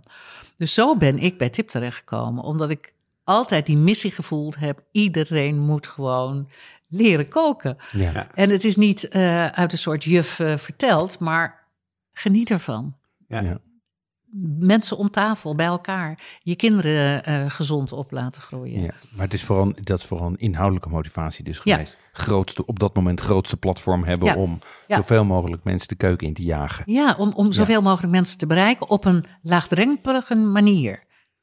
Want dat is natuurlijk ook nog een kunst. Ja. Ja, maar mensen dat te is, zeker, bereiken. dat is Ja. zeker een ding. Want je, moet- want je begon net al van ja, lange ingrediëntenlijst, dat, eh, dat schikt mensen af. En kijk, Tip Culinair is natuurlijk wel een blad geweest wat ook veel invloed gehad heeft in wat mensen op tafel zetten en Mhm. wat mensen kookten. Zijn er dingen uit die tijd waar je denkt, nou daar heb ik wel een bijdrage in gehad dat dat, eh, dat, dat op was in de supermarkt of dat mensen dat gingen maken? Nou, ik denk wel dat ehm Tip eraan bijgedragen heeft dat mensen meer gingen variëren. Dat ze andere, ehm, andere culturen uit gingen proberen in, in, ja. in eten. Dat het niet allemaal meer de ver van mijn bedshow was, maar oh, dat ziet er wel lekker uit, dat kan ik ook eens proberen. Oh ja. Ik denk dat, ehm, en dat is niet alleen tip geweest, maar dat zijn eigenlijk ook van de andere tijdschriften wel de culinaire rubrieken geweest. Dus het, eigenlijk het verbreden van de horizon van mensen. Het in verbreden en eh, kennis opbouwen van ehm, waar moet je nou op letten met koken. Dus niet alleen een recept geven, maar ook achtergrondinformatie. Wat is in het seizoen, eh, ehm, wat zijn bakfouten, wat zijn kookfouten, hoe kan ik dingen oplossen. Ehm, Dus Mhm. mensen als het ware in, aan de hand meenemen. Ja, dus niet alleen maar inspireren met gerecht, maar ook een beetje leren koken. Ja, Ja. wat goed zeg. Ja. En kan je je nog een, eh, nog een hit herinneren uit die tijd? Een recept waarvan iedereen, wat iedereen uitknipt en op de koelkast Ja, hangen? ik denk dat dat vooral ook de tijd was eh, dat er ehm, ja, de, de, de, de, de, raps begonnen. eh, weet je, dat, dat werd dan ineens allemaal hip. En, eh, want we hadden daarvoor natuurlijk taart, de, de, de hartige taarten allemaal eh, gehad. En dat er ook wel wat slanker al gekookt werd. Ja. Dus wat, wat, wat bewuster. Dus eh, veel meer met salades. Mhm. Eh, salades als hoofdmaaltijd. Dat Ja. dat wel een beetje uit die tijd Ja, is. maal, ja. maaltijdsalades en wraps. Ja, Ja, klinkt heel erg begin deze eeuw. Ja. ja, ja. Ehm, met, met Masterchef eh, kreeg je voor het eerst te maken met een internationaal foodformat van de BBC zelfs. Ja. Ehm, wa- wat heb je daarvan geleerd? Ehm, ja, kijk, dat internationale format is aan de ene kant is dat ehm, heel fijn, omdat je een soort leidraad hebt. Aan de andere kant kan het soms ook wel eens verwarrend zijn, omdat eh, niet in ieder land waar het. Oh, Australië vind ik nog steeds een van de mooiste. eh, Dat- ja. Maar daar doen ze dagelijks, geloof ik. Hè? En ja. 150 afleveringen of zoiets. Dat en die is zijn echt zo fantastisch. Eh, ik vind ze beter dan, eh, dan de Britse. Ja. Maar de cultuur is er ook meer naar dat eh, er meer verkrijgbaar was, Ja. in ieder geval.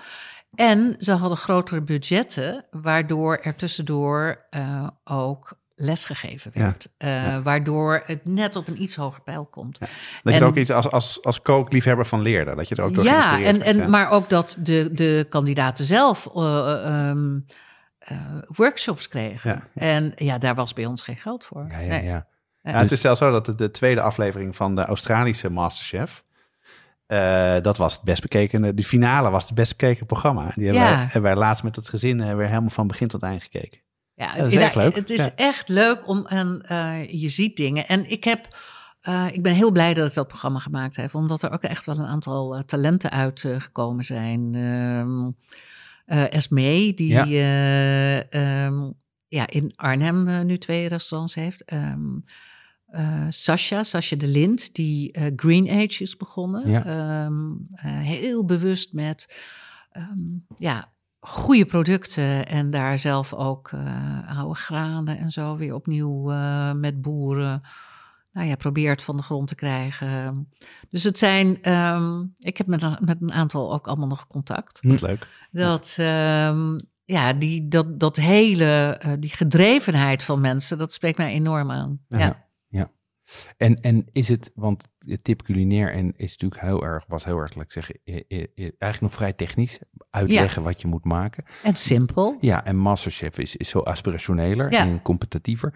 Is er dan toch invloed van wat, wat, mensen, wat je in Masterchef doet, van wat mensen thuis koken? Of is het alleen maar kijken naar die wilde dingen die ze daar staan te koken? Het grappige is dat ik eh, eh, wel eens de stelling heb geponeerd. ehm, mensen kijken tegenwoordig met het bord op schoot met een kant-en-klaar maaltijd naar sterren.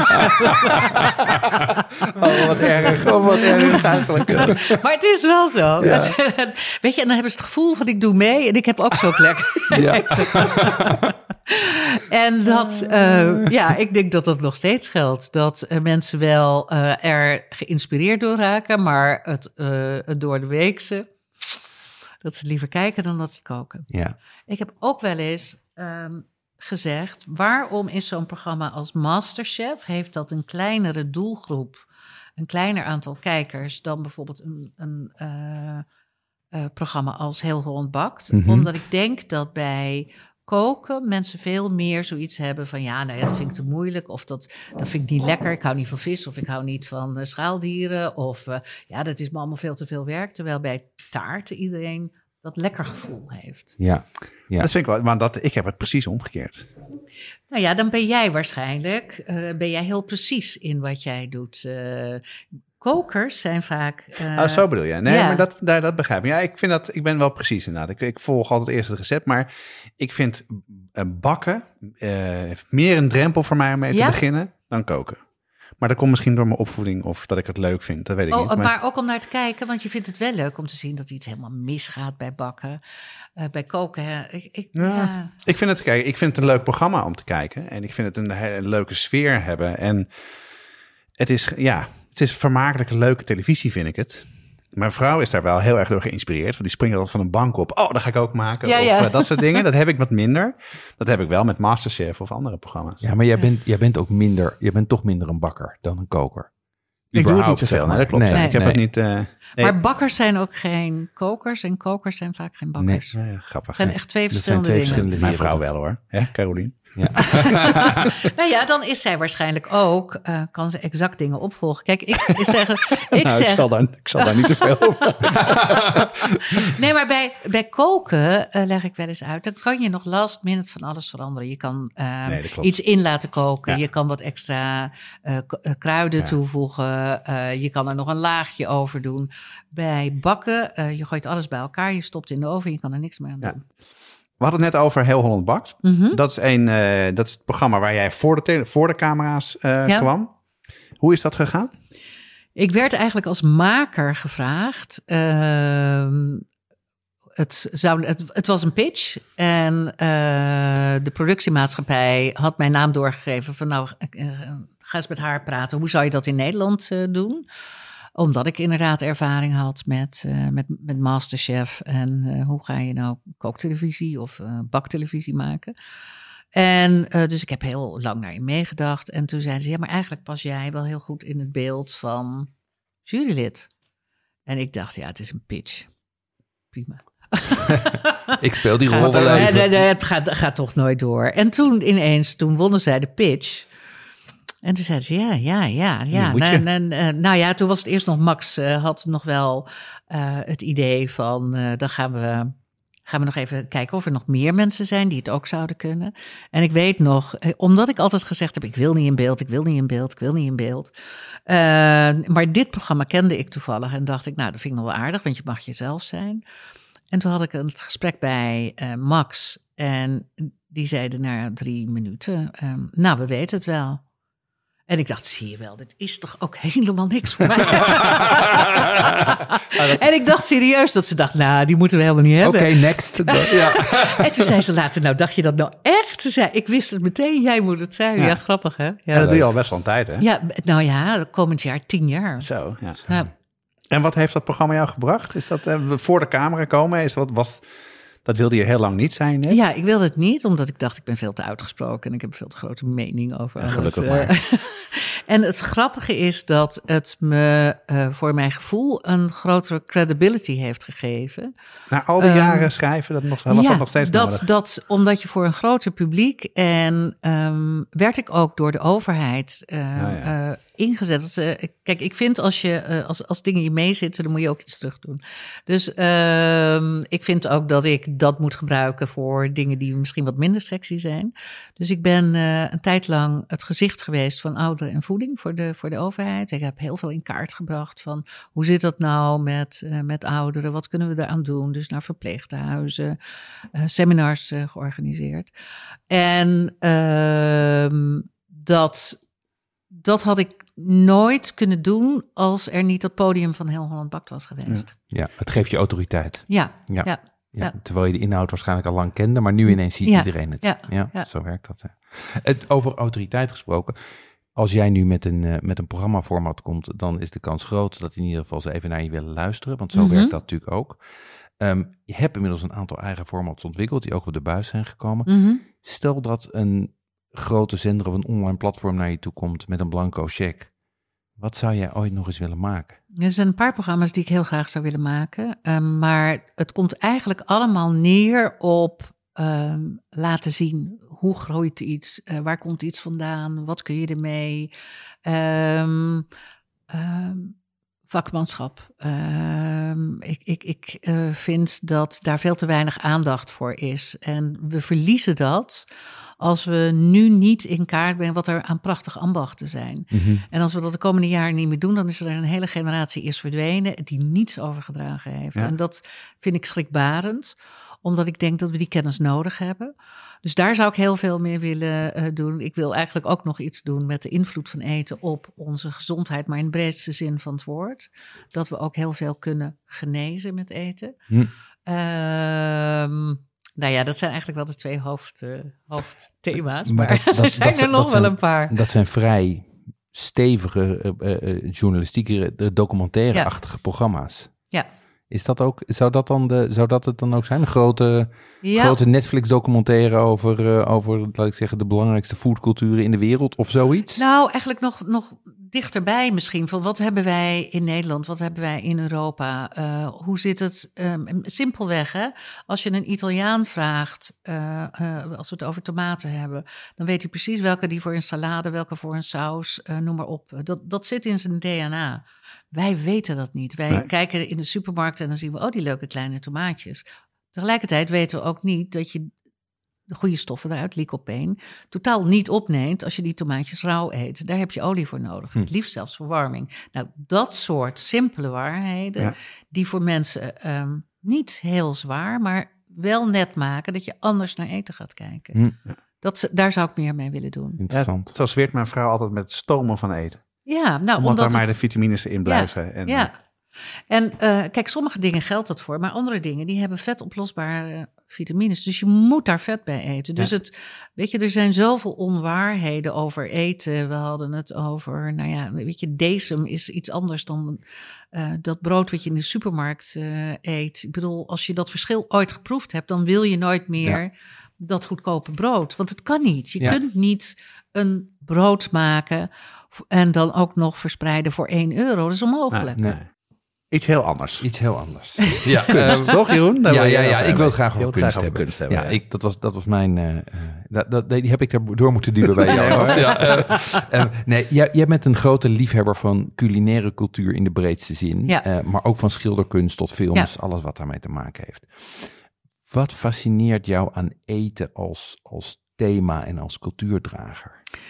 Ik zeg wel eens, ehm, eten is meer dan voeding naar binnen eh, werken. Eten zegt iets over het tijdperk waarin je leeft, zegt iets over ehm, de, omgeving, de sociale omgeving waar je in, eh, in begeeft omdat, nou, daar zit een verschil in, in, in, in eten, ehm, het land waar je woont, noem maar op. Er zit zoveel, het geloof vaak zelfs ook, wat je wel en niet eet. eh. dus het is een, een, een heel belangrijk sociaal gegeven. Het Mhm. gaat verder dan alleen maar die, die voeding eh, die eh, naar binnen.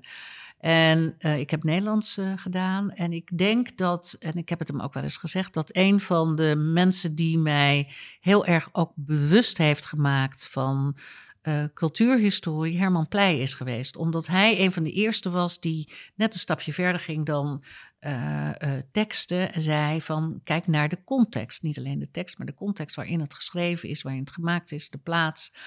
En dat was voor mij echt een enorme eye-opener. ehm. dus ehm, als je ook kijkt naar. Ik, ik heb ooit voor, het, ehm, voor Jeroen Pauw. Er was in de tijd van, eh, van, van veel vluchtelingen. heb ik eh, een reportage gemaakt. waarin ik. met vrouwen uit, eh, die gevlucht waren uit verschillende omgevingen, ben ik wat dingen, ben ik, ben ik baklava gaan maken. Ja. En in eerste instantie voelde ik een enorme van, eh, nee, ik wil hier niet neergezet worden als een eh, vluchtelingenvrouw die, eh, die de hele dag in de keuken staat, want we hebben een opleiding gehad. En maar op het moment dat ik met ze in gesprek ging en met ze ging praten, kwam daarbij dat ze ineens allemaal opleefden. Ja, maar mijn grootmoeder deed het zo en die deed er cardamom bij. Nee, wij rolden het op. Wij gingen het niet in laagjes maken. Wij maakten het met pistache. En dus het, hetzelfde gerecht, maar daar kwamen zoveel herinneringen bij naar boven. Mhm. En dat vind ik fascinerend aan eten. Het maakt, ehm, het, komt, het brengt mensen dichter bij elkaar. Maar het zegt ook iets over begrip voor elkaar. We gaan naar elkaar luisteren aan tafel. Ja. En dat vind ik dat te weinig belicht wordt als het om eten gaat. Oké. Ik heb het gevoel dat we steeds meer van elkaar afdrijven. Want ik ben vegan, ik ben vegetarisch en jij mag dat niet eten, jij moet dit niet eten. Weet je, terwijl ik denk, als er iets is wat ons bindt, is het dat eten. Laten we respect voor elkaar hebben. Ja, en, en, en heeft dat, ehm, eh, in- en in welke mate, hoe verhoudt dat zich dan tot, tot cultuur en, eh, en kunst ook vooral? Nou, er is een. een ehm, als je kijkt naar de 17e eeuw, waarin het stilleven, eh, het eetstilleven, zijn grote bloei kent, ehm, is daar, en ik vind het woord trots heel. Vind ik een beetje eng woord, omdat het meteen een politieke lading krijgt die ik het absoluut niet wil geven. Ehm, maar wij waren vier, zoals de Belgen zouden zeggen, op wat we hadden. Ja. En dat wilden we laten zien. Dus dat, daar, daar konden we mee pronken. Kijk eens wat een mooie eh, ingrediënten hebben we. En, ehm, en dat gold natuurlijk voor een bepaalde bovenlaag, want dat was niet voor iedereen. Maar eten was iets waar je je mee kon onderscheiden, bijvoorbeeld. Een statussymbool? Statussymbool soms Ja, ook wel. ja. En dat was zeker voor de ananas bijvoorbeeld. eh, want er was in die, in die eeuw was er een soort competitie onderling om in Nederland de eerste ananas te hebben. Ja.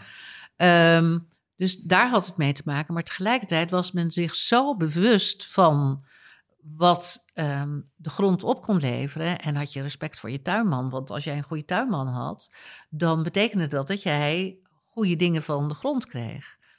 En eh, er was de waarde van het inmaken. Eh, we gingen veel bewuster met eten om, omdat het schaarser was. Mhm. eh, in beperktere periodes verkrijgbaar. Dus we waren veel bewuster over dat hele eten. Daarom brachten we het ook in beeld.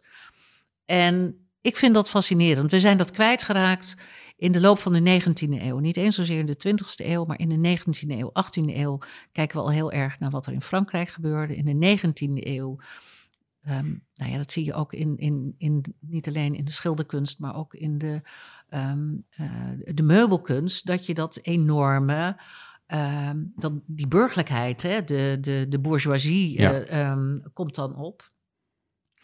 En daarin krijg je een soort gemiddelde ineens, want eh, doe allemaal maar gewoon. En een soort burgerlijkheid. Daar krijg je de opkomst van de ehm, huishoudscholen. Er komt armoede. En dan zie je die hele Nederlandse eetcultuur ja, een beetje een, een, saaie brei worden. Mhm. Ja, want dat zeggen ze wel eens, hè? Dat, dat Nederland heeft geen rijke eetcultuur. We eten We stampodden Ja. en hij is door de huishoudscholen om, eh om zeep geholpen, zoals je net zei. Maar ben je het daarmee eens? Of- Nee, ik ben het in, in die zin niet eens, omdat we altijd dat stampotten aanhalen. Terwijl ik denk, ja jongens, die stampot, die aardappel is nog maar 200 jaar Ja, in Nederland. Komt van de Dus Spanjaarden. Het, het, we hebben hem natuurlijk nog veel te kort. Ik Ah, ja. bedoel, het heeft er heel lang over gedaan voordat we hem überhaupt gingen eten. Ehm, om die op te nemen in onze eetcultuur. En we hebben hem omarmd, daar gaat het niet om. Maar we hebben zoveel meer gehad. We hebben specerijen naar de wereld gebracht. Ja, en ja. niet altijd een mooie rol gespeeld. Hè? Eh, eh, hou met ten goede. Dat eh, vind ik ook een verhaal wat verteld moet worden. Maar het is wel zo dat met het komen van die specerijen er op een andere manier ingemaakt werd, gekookt werd. Ehm, dat heeft veel veranderd. Het heeft thee gebracht, het heeft koffie gebracht. Dat moeten we niet vergeten. Er was een, die, die gouden eeuw, wat we nu niet meer bijna gouden eeuw mogen noemen, maar ik bedoel dat goud in de zin dat er welvaart was. Tuurlijk ook ten koste van een ander deel. Maar dat heeft ons land heel veel gebracht. Ja. En dat heeft onze eetcultuur veel gebracht. En waarom zijn we dat kwijtgeraakt geraakt dan? Of, natuurlijk, thee en koffie zijn we niet kwijtgeraakt, maar het is wel van heel rijk naar redelijk saai gegaan. naar saai gegaan. Ja, dat is toch iets wat de tijd dan eh, doet. En soms vraag je je af, waarom kunnen culturen ineens zomaar verdwijnen? Ja, waarom, ja. waarom? En vaak is dat gelieerd aan eten. Dat gaat bijna altijd met elkaar op. Ja. Ehm, veldslagen die verloren Ja, worden. Toch de omdat, oorlogen dan waarschijnlijk. Ja, maar ook omdat eh, eh, bijvoorbeeld eh, de, de, de soldaten niet voldoende te eten hebben. Nou ja, dan kan je zo'n veldslag kan je ook vergeten. Ja. Ja. Dus eten is veel belangrijker dan alleen maar dat kleine stukje wat je aan tafel naar binnen werkt. En vind je dan dat jij, als je naar jezelf kijkt, hè, naar je rol, je, je, je, je culinaire rol die je hebt gespeeld, heb je dan die cultuur een beetje teruggebracht? Heb je daar een bijdrage gehad? Ik hoop gehad, dat. Ik hoop dat. En ik hoop dat met dat nieuwe boek ook te doen, te laten zien dat wij, weet je, ehm, die olijven die zijn niet nieuw. Want in de 17e eeuw lagen die al op schalen. Dat werd al in Nederland gegeten. Wij denken zo vaak dat wij alleen maar die aardappelen met, eh, met wortelen aten. Dat is niet waar. We kenden heel veel. Je, je had net al even jouw, jouw nieuwe boek aan, Het Smaakpalet van de Lage Landen, waar, je, Mhm. waar je al drie jaar mee bezig bent, Ja. vertelde je ons net. precies. Ehm, ehm, dat gaat ook in belangrijke mate over, over eh, eh, oude, eh, oude meesters. Hè? Je behandelt, tenminste zoals ik het heb begrepen, de culinaire cultuur aan de hand van de oude Ja. meesters. Ja. Is er, is er een schilderij wat jij heel graag boven je eettafel zou willen hangen? Nou, er zijn er wel een paar. Als je grote tafel hebt. ja. Eh, ja, ik ben, ehm, ik ben heel dol op ehm, zeg maar al die pronkstukken. Dus eh, grote schalen met kreeft en eh, dan grote roemers met, met, met, met wijn. Eh, ehm, dat je de, de, de rijke schakering aan producten die we toen al kenden. Ja. Dat vind ik fantastisch. Ja, ja. En natuurlijk vind ik het ook de hele ingetogen, de drie kazen boven elkaar. Ehm, of eh, de koorten met alleen maar die asperges. eh, Ja. Of die, die aardbeidjes. eh. eigenlijk vind ik ze allemaal Ja. mooi. En, en als je, als je, Gewoon moet, als je moet kiezen, ja, wat, welke, welke zou dan de... Ehm, ik niet, ja, misschien ook wel een jachtstilleven. Omdat dat me een beetje terugbrengt naar mijn jeugd. Ja, Ja, ja. Ja. Iets, een jachtstuk. Dan gaan we, zo, gaan we zo eens even kijken of we een mooie kunnen vinden. Want dan Ja. kunnen we- ik denk dat voor heel veel mensen dit ook niet, dat die niet meteen een beeld hebben waar dit Nee. over gaat. Dus dit Dat is wel leuk zetten om we het op op de de site te ja, ja, leuk. Ja. Ja. Ehm, is er een, we hebben, we hebben het nu over kookkunst. Mhm. Ehm, bestaat er zoiets als kunst in de keuken? Of is het vooral een ambacht en een cultuurdrager? Ja, je kunt de discussie aangaan. Is, eh, is kunst, eh, gaat daar ambacht aan vooraf? Mhm. Ehm, ik denk dat kunst ehm, moet triggeren, vernieuwen, ehm, eh, je wakker schudden. En dat is wat sommige chefs zeker doen. Die gaan door de gebaande paden, gaan, daar gaan ze vanaf en ze doorbreken allerlei vaststaande regels. Of ik dat altijd lekker vind, dat is wat anders. Maar ik denk wel dat er eh, veel chefs zijn die kunst brengen. Maar kunst is ook niet altijd mooi. Nee. Het is, het is Nee. sterker nog. Dat is ook zo. Ik denk dat het vaak moet provoceren. Ja. En dat daar vervolgens op de inspiratie daarvan weer mooie dingen worden Ja. gemaakt. Kijk, het moet iets met je doen. En dat kan in positieve zin zijn en kan in negatieve zin zijn. En eh, wij vinden het niet mooi als het ons onzeker maakt of we kunnen het niet begrijpen. Maar dat is wat ik vind wat kunst zou moeten doen. Het Mhm. moet je triggeren, je moet je dingen af gaan vragen. En ja, dat is bij koken ook zo.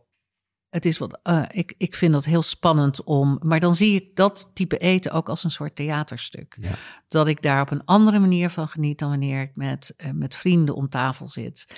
Eh, dan, dan wil ik iets anders eten. Dan hoef ik niet die spanning te hebben van, eh, van nieuwe dingen. Heb, kan, je, kan je een voorbeeld geven van een chef die, laat ik zeggen, zo innovatief was dat het niet meer lekker, maar nog wel interessant, maar juist interessant is? Nou ja, ja ik, ik vind sommige ook in, in, in Frankrijk. ehm, vind ik niet al die drie sterren chefs alles even lekker. Ehm, maar als je kijkt naar iemand als eh, Ferran Adria, eh, die echt de grenzen opgezocht heeft, maar in wezen, ik heb hem wel eens geïnterviewd, echt zo eh, bijna rigide is in eh, wat, wat smaak betekent en eh, waar dingen aan moeten voldoen. Heel methodisch ook. Ja, Ja. ja. en eh, dat hij vindt dat er respect naar de grond ook moet zijn. En de, dat er altijd een link moet zijn waar een product vandaan komt. Dan denk ik, ja, weet je, dat zijn mensen die iets veranderen in onze eetcultuur, omdat ze verder nadenken dan alleen wat gebeurt er chemisch in die pan.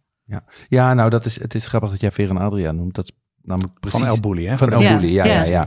Eh, want dat was precies degene die mij ook te binnen schoot. Ik heb, Ja. daar, ik heb daar in 2003 of zoiets gegeten. En 25 of 28 gangen. Ja, En was dat allemaal lekker? Nee. nee. Maar, eh, en het was ook hard werken. Ook, laat ik zeggen, sensorisch en, Ja. en, en intellectueel. Is het gewoon, is het zo, eh, is het soms zo far out. Dan word je zo, Ja. hij was natuurlijk heel erg van het op het verkeerde been zetten. Ja. Hè?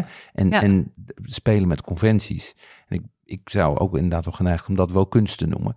Ik vind dat Ook kunst, misschien omdat ja. het niet lekker was. Maar wel goed, wel goed gemaakt en niet lekker, zeg maar. Ja. Ja, ja. Ja, ja, nou ja, hij durfde te provoceren. En ik denk dat hij heel veel anderen heeft geïnspireerd. Ehm, om een stap verder te gaan. Kijk, het, het, het is een hele andere generatie dan bijvoorbeeld Paul Bocuse, die de nouvelle cuisine eh, in die jaren. Ja, wat was er nou zo nouvelle aan? Als we er nu kijken, denken we nou, dat is allemaal Vooral kleine porties en Ja. niet meer die hele zware sausen. En- dat was, en- ook, nieuw, was ook was vernieuwend nieuw, toen. vernieuwend, maar als je dat in verhouding kijkt wat nu chefs doen, Nee. dan is dat niet te vergelijken. Is, is, is Vera en Adriaan wat jou betreft de belangrijkste vernieuwer geweest de afgelopen decennia? Ehm, ja, ik denk dat eh, door hem een hele generatie chefs is opgestaan die verder durfden te Ja, gaan. En misschien is het nu wel zo dat hij ingehaald is door een aantal mensen als het gaat om triggeren, weet ik niet. Zoals? Eh, ja, als je nou naar eh, MoMA, eh, Noma. Ja. Dat Seppi, ik weet het niet. er een beetje een fietsgezicht bij. Ja, het, ik- het- dat is niet een keuken die mij nee? aantrekt. Ben je- Heb je daar laatst gegeten? Nee, het, ik, dat is alweer lang geleden. Maar het is, ik, ik, ja, ik heb er minder mee. Ja, nee, maar ik, kan me dat heel goed voorstellen, want we, hadden deze discussie van tevoren.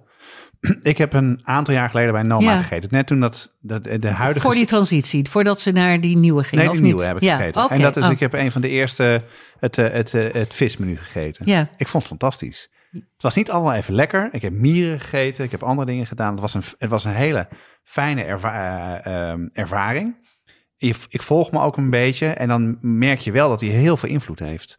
het heeft hij, maar hij heeft een enorme invloed. Ik denk dat hij zoveel, ik denk Joris Beidendijk en, en, en ook, ehm, eh, ik, ja, ik denk ook Johnny Boer, die, die, die hangen aan zijn lippen. Ja. Ja. Omdat hij grenzen opzoekt en inderdaad met mieren en noem maar op. Maar ja, voor mij Gaat iets te ver misschien. gaat het iets te ver. Ja, wat dan ja. met kunst ook kan gebeuren. Ja, ja. Ja. Maar, maar dan hebben we het over, over de as van lekker. Dan hebben we het niet Ja. over, laat ik zeggen, waardering voor de Nee, innovatie. totaal. Nee, ik heb een enorme waardering ja. voor zijn Ja. grens opzoeken. Maar als ik het dan over smaak heb, dan kan ik nog wel meegaan met eh Ferran Adria. Maar dan is Recepi, vind ik, denk ik, ja, nee, als ik de keuze heb, dan ga ik liever, als ik het heb over eten en smaken, ergens naar eh, Zuid-Italië en eh, eh, geniet van de cucina povere, waar een, een oude Italiaanse nonna eh, ter plekke pasta staat te maken. Ja. Daar Ja. geniet ik dan, ben ik heel eerlijk in, geniet ik dan op dat moment qua smaak meer van. Ehm, welke kookboeken of naslagwerken moet een, moet een thuiskok eh, eh, hebben staan? Nou, ik vind dat mensen in ieder geval ehm, naslagwerken moeten hebben over waar komt iets vandaan, hoe maak ik iets. Dat, dat lijkt wel een stap die tegenwoordig overgeslagen wordt. Mhm. Ik heb eh, eh, destijds eh, meegeholpen aan de eh, vertalingen van bijvoorbeeld Escoffier en eh eh, Larousse Gastronomique. Ehm, dat is misschien oudbollig, maar het, ehm, het, het, het is wel fijne basiskennis. Ik Ja. vind dat we, ehm, dat is ook wel iets wat ik wat meer zou willen doen. Leer mensen koken en weten hoe koken werkt. En eh, al is het iets simpels als een ei koken, daar heb je zoveel verschillende methodes voor. Absoluut. En ei smaakt iedere keer anders als je een andere kookmethode. En ehm, op het moment dat je dat weet, kan je de keuze maken. Dus ik doe het op die manier of die manier. Maar Ja. heel veel mensen, ja, die denken, nou ik zet het ei op en ik zet dus nooit een kookwerker en dat is het. Ja, of een app aan. En dan, Ja. ja, klopt. Ehm, dus die kennis over eten vind ik dat belangrijk is. En dat er, ehm, ja, dat mensen daar wat meer over zouden kunnen lezen. Ja. Dus Esco- eerder Escoffier, Escoffier, Larousse, Larousse Gastronomique, ja. En ehm, iets uit de Italiaanse keuken. Ja, nou ja, kijk, ik ben eh, Marcella Hazan. eh, vind ik een, eh, is in Nederland niet echt een heel erg bekend. Die heeft een fantastisch werk over de Italiaanse keuken ook Ja. eh, geschreven. Eh, die vind ik echt heel goed. Ik denk dat een, Julia Child is ook Ja. iemand die eh, niet verveelt. ehm, en heel veel basistechnieken heeft. Ehm, Het is een beetje ouderwets, maar het is een leuk boek. Dat, ja, nou ja, weet je, dus het is meer dat je vanuit die basis kunt gaan variëren. Ja. En verder ben ik dol op Ottolenghi. Daar gaat het niet om. Ik vind hem heel verrassend. Wil niet zeggen dat ik hem altijd helemaal nakook. Nee, Eh, grana- granaatappelpitjes en dat soort dingen. maar ik vind wel eh, dat zijn stijl heeft ook iets teweeggebracht. Enorme invloed gehad, ja. Groenten, heel Ja, veel absoluut. Ja, ja. eh, dus dat, ehm, Ja, ik, ik vind dat je in ieder geval weet ervan. Maar dat, maar dat zijn dus eerder klassieke boeken. Want ik Ja. heb bijvoorbeeld het boek van Julia Child van een vriendin van mij gekregen toen ik 18 Ja. werd. Ja, En dat heb ik nog steeds in de kast staan. Pak ik best wel vaak eruit om een saus te zoeken. Maar in, in, eerder dat soort boeken dan eh, starten met koken en de basiskookboeken.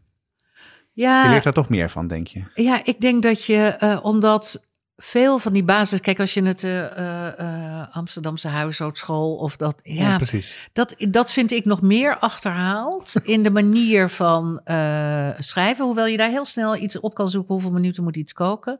Dan eh, de boeken waarin uitgelegd wordt waarom je iets doet. Ja. En ik denk juist dat zorgt voor meer bewustzijn. Je had Len Dayton, eh, had je op een gegeven moment ook, die ook gewoon heel grappig uitlegde waarom je iets wel of niet combineert. En waarom iets wel of niet kan. En voor mij mag iedereen alles met elkaar combineren, maar op basis van weten wat je doet. Ja, eigenlijk wat je net al zei. Je begon met tip culinair. En een van de dingen Ja. die je mensen wil leren is hoe, hoe leer je koken en hoe werken Ja. dingen. Ja. Nou, super interessant.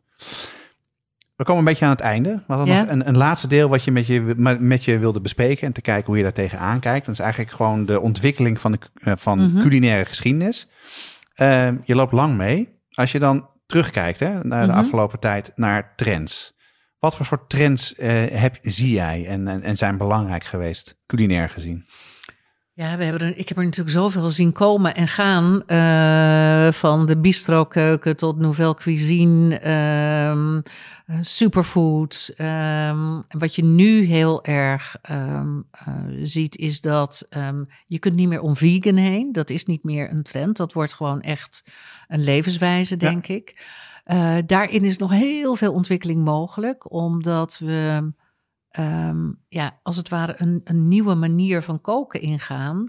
Waarin mensen zeggen, ja, heb je altijd ei nodig? Eh, of eh, weet je, niet iedereen is altijd volledig. Eh, maar ga maar eens daar aan staan om op een, een dusdanige manier te koken... dat je alleen maar met planten bezig Ja. bent. Ja, dat is- alleen maar plantaardig. Nou, ik, ik denk dat dat een uitdaging voor de komende jaren is. Ja. En dat we, ik denk dat we naar een tijd gaan waarin vlees meer luxe wordt. Ehm, vis geldt hetzelfde voor. Dat we niet meer onnadenkend eh, hele zeeën leegroven, maar heel bewust daarmee bezig zijn. Ja. Maar hetzelfde geldt voor, voor vlees. Ehm, weet je, we kunnen het niet meer maken om gedachteloos eh, allerlei hamburgers. Ik heb niks tegen de hamburger. Maar moeten daar zoveel dieren voor, Nee. eh, voor doodgaan? En laten we dan kijken wat er voor alternatieven zijn. Als Ja. het alleen maar om die smaak gaat en dat gevoel. En samen en langs de straat ergens iets eh, ophalen. Dus daar moeten we meer over nadenken. Maar een goed stuk vlees ben ik niet tegen. Ja. Maar het moet wel goed geleefd hebben. En ik hoorde toevallig eh, in, in, in Frankrijk uh, sprak ik met een, met een boer die zei, die, dus een, uh, een, een biologische um, boerenbedrijf heeft met, met, met, met rundvee. En die zei, ja, we hebben in Frankrijk ook een probleem. En dat is dat mensen die bewust zijn en die je dus verwacht dat zij over zouden gaan op allerlei biologisch vlees, dat zijn de vleesuittreders. Ah, ja. En die dus gaan, het vlees wat blijft, ja, ja. wordt nog slechter eigenlijk. Ja, Bi en dat vond ik, is een tussenstap dat naar vlees en, en dat, dat vond ik echt eigenlijk wel ja. heel chockerend toen ja, hij dus, dat zei. Daar had ik nooit over nagedacht. Nee, maar um, dat is natuurlijk wel zo. Ja. En dan stimuleer je eigenlijk de, de, de, de industrie van vlees waar we eigenlijk van af moeten. Ja, en er is, een, er is nog steeds een generatie die vindt dat ze recht hebben op elke dag vlees. En dat begrijp ik ook wel. Ik bedoel, als je een, een, een, als een verworvenheid ziet. Nou, omdat het voor veel mensen een verworvenheid is. Oh ja. Ze en, hadden het niet en nu hebben ja, ze het wel. en nu ja. hebben ze het wel en dan vinden ze dat ze er ook recht op hebben. Maar Ja. ik denk dat we dus toe moeten. En dan komen we weer bij die informatie die zo belangrijk is. Ik denk als je overal stickers op zou doen en laat zien wat er gebeurt, separatorvlees. Nou, ik denk dat geen hond het eet Nee. als ze weten Nee. hoe dat gebeurt. Nee. Dus laten we die keiharde confrontatie aangaan. En niet zeggen je mag het niet eten. Nee, kijk eens wat je eet. Hoe vaak zouden we dan vlees mogen eten? Nee, ik, ik, Ja, ik- even- ik- even- ja, maar, ja, concreet, ik, vind, ik, vind ik een heel concrete vraag. Ik denk dat ik eh, inmiddels terug ben naar één, maximaal twee keer per week. Ja. En dan, dan heeft ook die slager, heeft ook die boer, die heeft nog recht eh, van leven. Maar laten we dan gewoon goed vlees eh, eten. En voor mij geldt dat eh, één à twee keer, maar als iemand twee of drie keer. Maar laten we in de hemelsnaam minder gaan eten. En ook als we vis eten, weten wat we doen. Maar dat is een, dat is een enorme omslag. Hè? Ik bedoel, Ja. we, we hebben, we, hebben een, we hebben er een hele aflevering over gemaakt. En sterker nog, vorig jaar hadden we elke aflevering vegetarisch repertoire. Want het is ontzettend moeilijk. En het is ook weer, een heel, het is ook weer heel erg een randstad Het, gebeuren. het is, Ik bedoel, ja, en het is ook nog maar de vraag of wij een zoveel betere wereld krijgen als we alleen maar plantaardig of alleen maar eh, eh, vegetarisch of veganistisch zouden eten. ja. Dus daar moeten we ook over nadenken. Hè? Want ehm, vergis je niet, op het moment dat ehm, ehm, we geen vee meer hebben, hebben we ook geen zuivel meer. Hè? Nee. Dus dat zijn allemaal consequenties die mensen niet overzien. Geen Nee. kaas, geen boter. Geen kaas, geen Nee. boter, niks. Nee. Nou, ik ben geen margarineliefhebber. Dus nog één, nog één, één stap terug voordat we, voordat we afsluiten. Ja. Ehm, we we hadden het net over trends. Hè? En dit is dus Ja. de absolute trend waar we nu in zitten.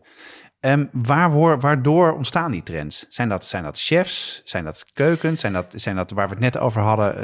eh, chefs als Fer en Adria die de grens opzoeken? Heb je daar een idee, een idee bij? Nou ja, soms kunnen dingen, is het ook het tijdsbeeld. Hè? Als je nu ziet wat voor trend er en wat een verandering die hele coronatijd eh, heeft gebracht, had niemand kunnen voorzien, is dat je nu ineens een versnelling ziet in mensen die zelf brood gaan bakken, die Ja. gaan inmaken, eh, die iets bewuster omgaan, meer de tijd nemen, meer koken.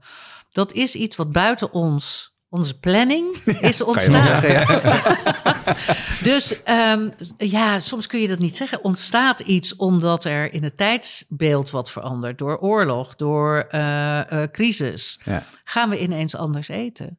En als je dan naar, naar de, de chefs kijkt en de restaurants, wat, wat voor een rol spelen die hierin, denk je? Mhm. Ja, ik denk een hele grote rol als we het hebben over de waardering van bijvoorbeeld ons Nederlandse product. Heeft een chef als Johnny Boer, die was een van de eerste daarmee. Die Ja. begon van lokaal eten, eh, vis eh, uit eh, de rivier, waar hij, hij, hij is daar een grote voorvechter Ja, van en wild geweest. plukken, wat hij ook altijd al van het begin af aan gedaan dat deed heeft. hij altijd. En daar heeft hij een hele grote rol in gespeeld. Ja, Dus chefs hebben... die, dus chefs zegt- hebben zeker ook een rol. Dus het is tijdsbeeld, het zijn ontwikkelingen die, die we niet in de hand hebben. en tegelijkertijd culinaire journalistiek en chefs, alles bij elkaar levert Ja, maar le- ik denk ook op. omdat wij nu met, eh, met met televisie, met eh, Netflix, eh, dat we andere reportages zien, dat we zien wat er in andere landen gegeten wordt, Ja, dat die kruisbestuiving ook veel sneller gaat. ja, gaat veel sneller. Ja, Ja. klopt. Ja. Wij, gaan, eh, we, we, we hebben een laatste vraag voor jou. Mhm. Ehm, stel, je mag een perfect diner of lunch kiezen, waar ook ter wereld. Ehm, wat zou je dan koken of laten koken? En welk bekend levend persoon zou je uitnodigen? En wat drink je erbij? Mm. Dat is een heleboel tegelijk. Ehm, ik heb één hele grote eh, wens, eh, die waarschijnlijk nooit in vervulling zal gaan. Maar de reden waarom ik ooit ben gaan schrijven over eten is Sophia Loren geweest. Ja, En als ik toch ooit eens met haar aan tafel of met haar in de keuken zou kunnen staan. Eh, en met haar praten over eten. En dan eerst een simpele pasta maken. En eh, daarna met een mooie kaas en een amarone aan de, aan de rol kunnen. Dan ben ik het meest gelukkige mens dat er is. ja, dat is mooi. Jenny, een mooi ontzettend beeld. bedankt. Ja, dankjewel. dankjewel.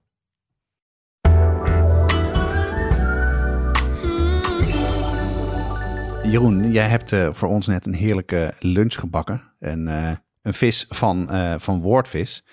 Ik vermoed dat dat iets met Van de Afslag te maken heeft. Is dat wat je wil behandelen als, als recept? Ja, dat leek mij voor de hand liggen. Wat ik heb gemaakt was een eh, gebakken tong met een eh citroenbotersaus en geglaceerde groenten. Heel klassiek, want dat Ja. leek mij eh, het beste passen bij, bij Jannie. Ehm, en het is eigenlijk gewoon een hele tong. Die bak je ruim in roomboter zonder daar verder bloem of zo op te strooien. Dat blus je af met vis van witte wijn, citroenschil en een paar takjes dragon. Laat je even stoven en dan, eh, en dan zeef je het en monteer je het met koude boter. Dat is het. En dat was de saus die erbij dat was de saus, Ja. ja. En je had het vis er eerst uitgehaald, Ja. denk ik. Want je hebt de Ja. vis gebakken eruit gehaald. Ja.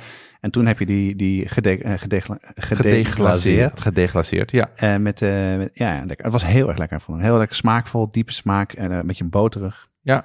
Ja, en ik had er groentetjes bij. Dus worteltjes, boshuidjes in stukjes, doppertjes. En eh, die gewoon even ge, eh, eh, ge- eerst geblancheerd en dan geglaceerd met boter. Ja, en wat, wat is glaceren dan? Glaceren is dat je hem eigenlijk, is dat je met een heel dun laagje water en een klontje boter, doe je die groentetjes in de pan met een, met eigenlijk een dekseltje van, van bakpapier erop. Ja. En dan warm je dat even door en dan krijg je dat die boter die smelt en die maakt een soort emulsie met dat water. En dat vormt dan een, een, een laagje om, om die groentetjes heen. En dat, en dat, dat bakpapier zorgt ervoor dat de stoom er een beetje in blijft. En dat, eh, ja, precies. Dat blijft dat de, en dat de smaak ook geconcentreerd blijft en dat die niet verdampt. Eh, het grappige is, hè, want ik moest eh, de tong even ophalen Ja. voor, voor deze lunch. En we kregen al bericht van Woordvis, hè, waar, we, de, waar we de tong van gekregen hebben. ehm, dat het wat moeilijker was om de tong te krijgen, omdat er nogal stormt buiten. Dus Ja. niet alle boten konden binnenkomen. Dus, dus we hebben voor ons gelukkig wat apart gelegd, dus dank daarvoor. En, eh en Jannie eh, heeft het goedgekeurd, dus het is een goed recept. Dat zetten we ook op de site. Zeker. Elke twee weken op donderdag staat er een nieuwe aflevering klaar. Eh, meld je aan op de site voor onze nieuwsbrief. En dan krijg je een mailtje zodra een aflevering live staat met alle recepten erin. Deze podcast wordt gemaakt door Jonas Nouwen en Jeroen Doucet. Het team bestaat uit Corianne Straathof, Annie Tasselaar, Paul Veldkamp, Cato van Paddenburg en Jesse Burkunk. De muziek is gecomponeerd door Nico Brandsen en Ton Dijkman en wordt uitgevoerd door Mel en Vintage Future. Reacties kun je sturen naar jeroen.watschaftepodcast.nl of jonas.watschaftepodcast.nl of je stuurt een DM via Instagram, Facebook of Twitter. Tot de volgende keer. Tot de volgende keer.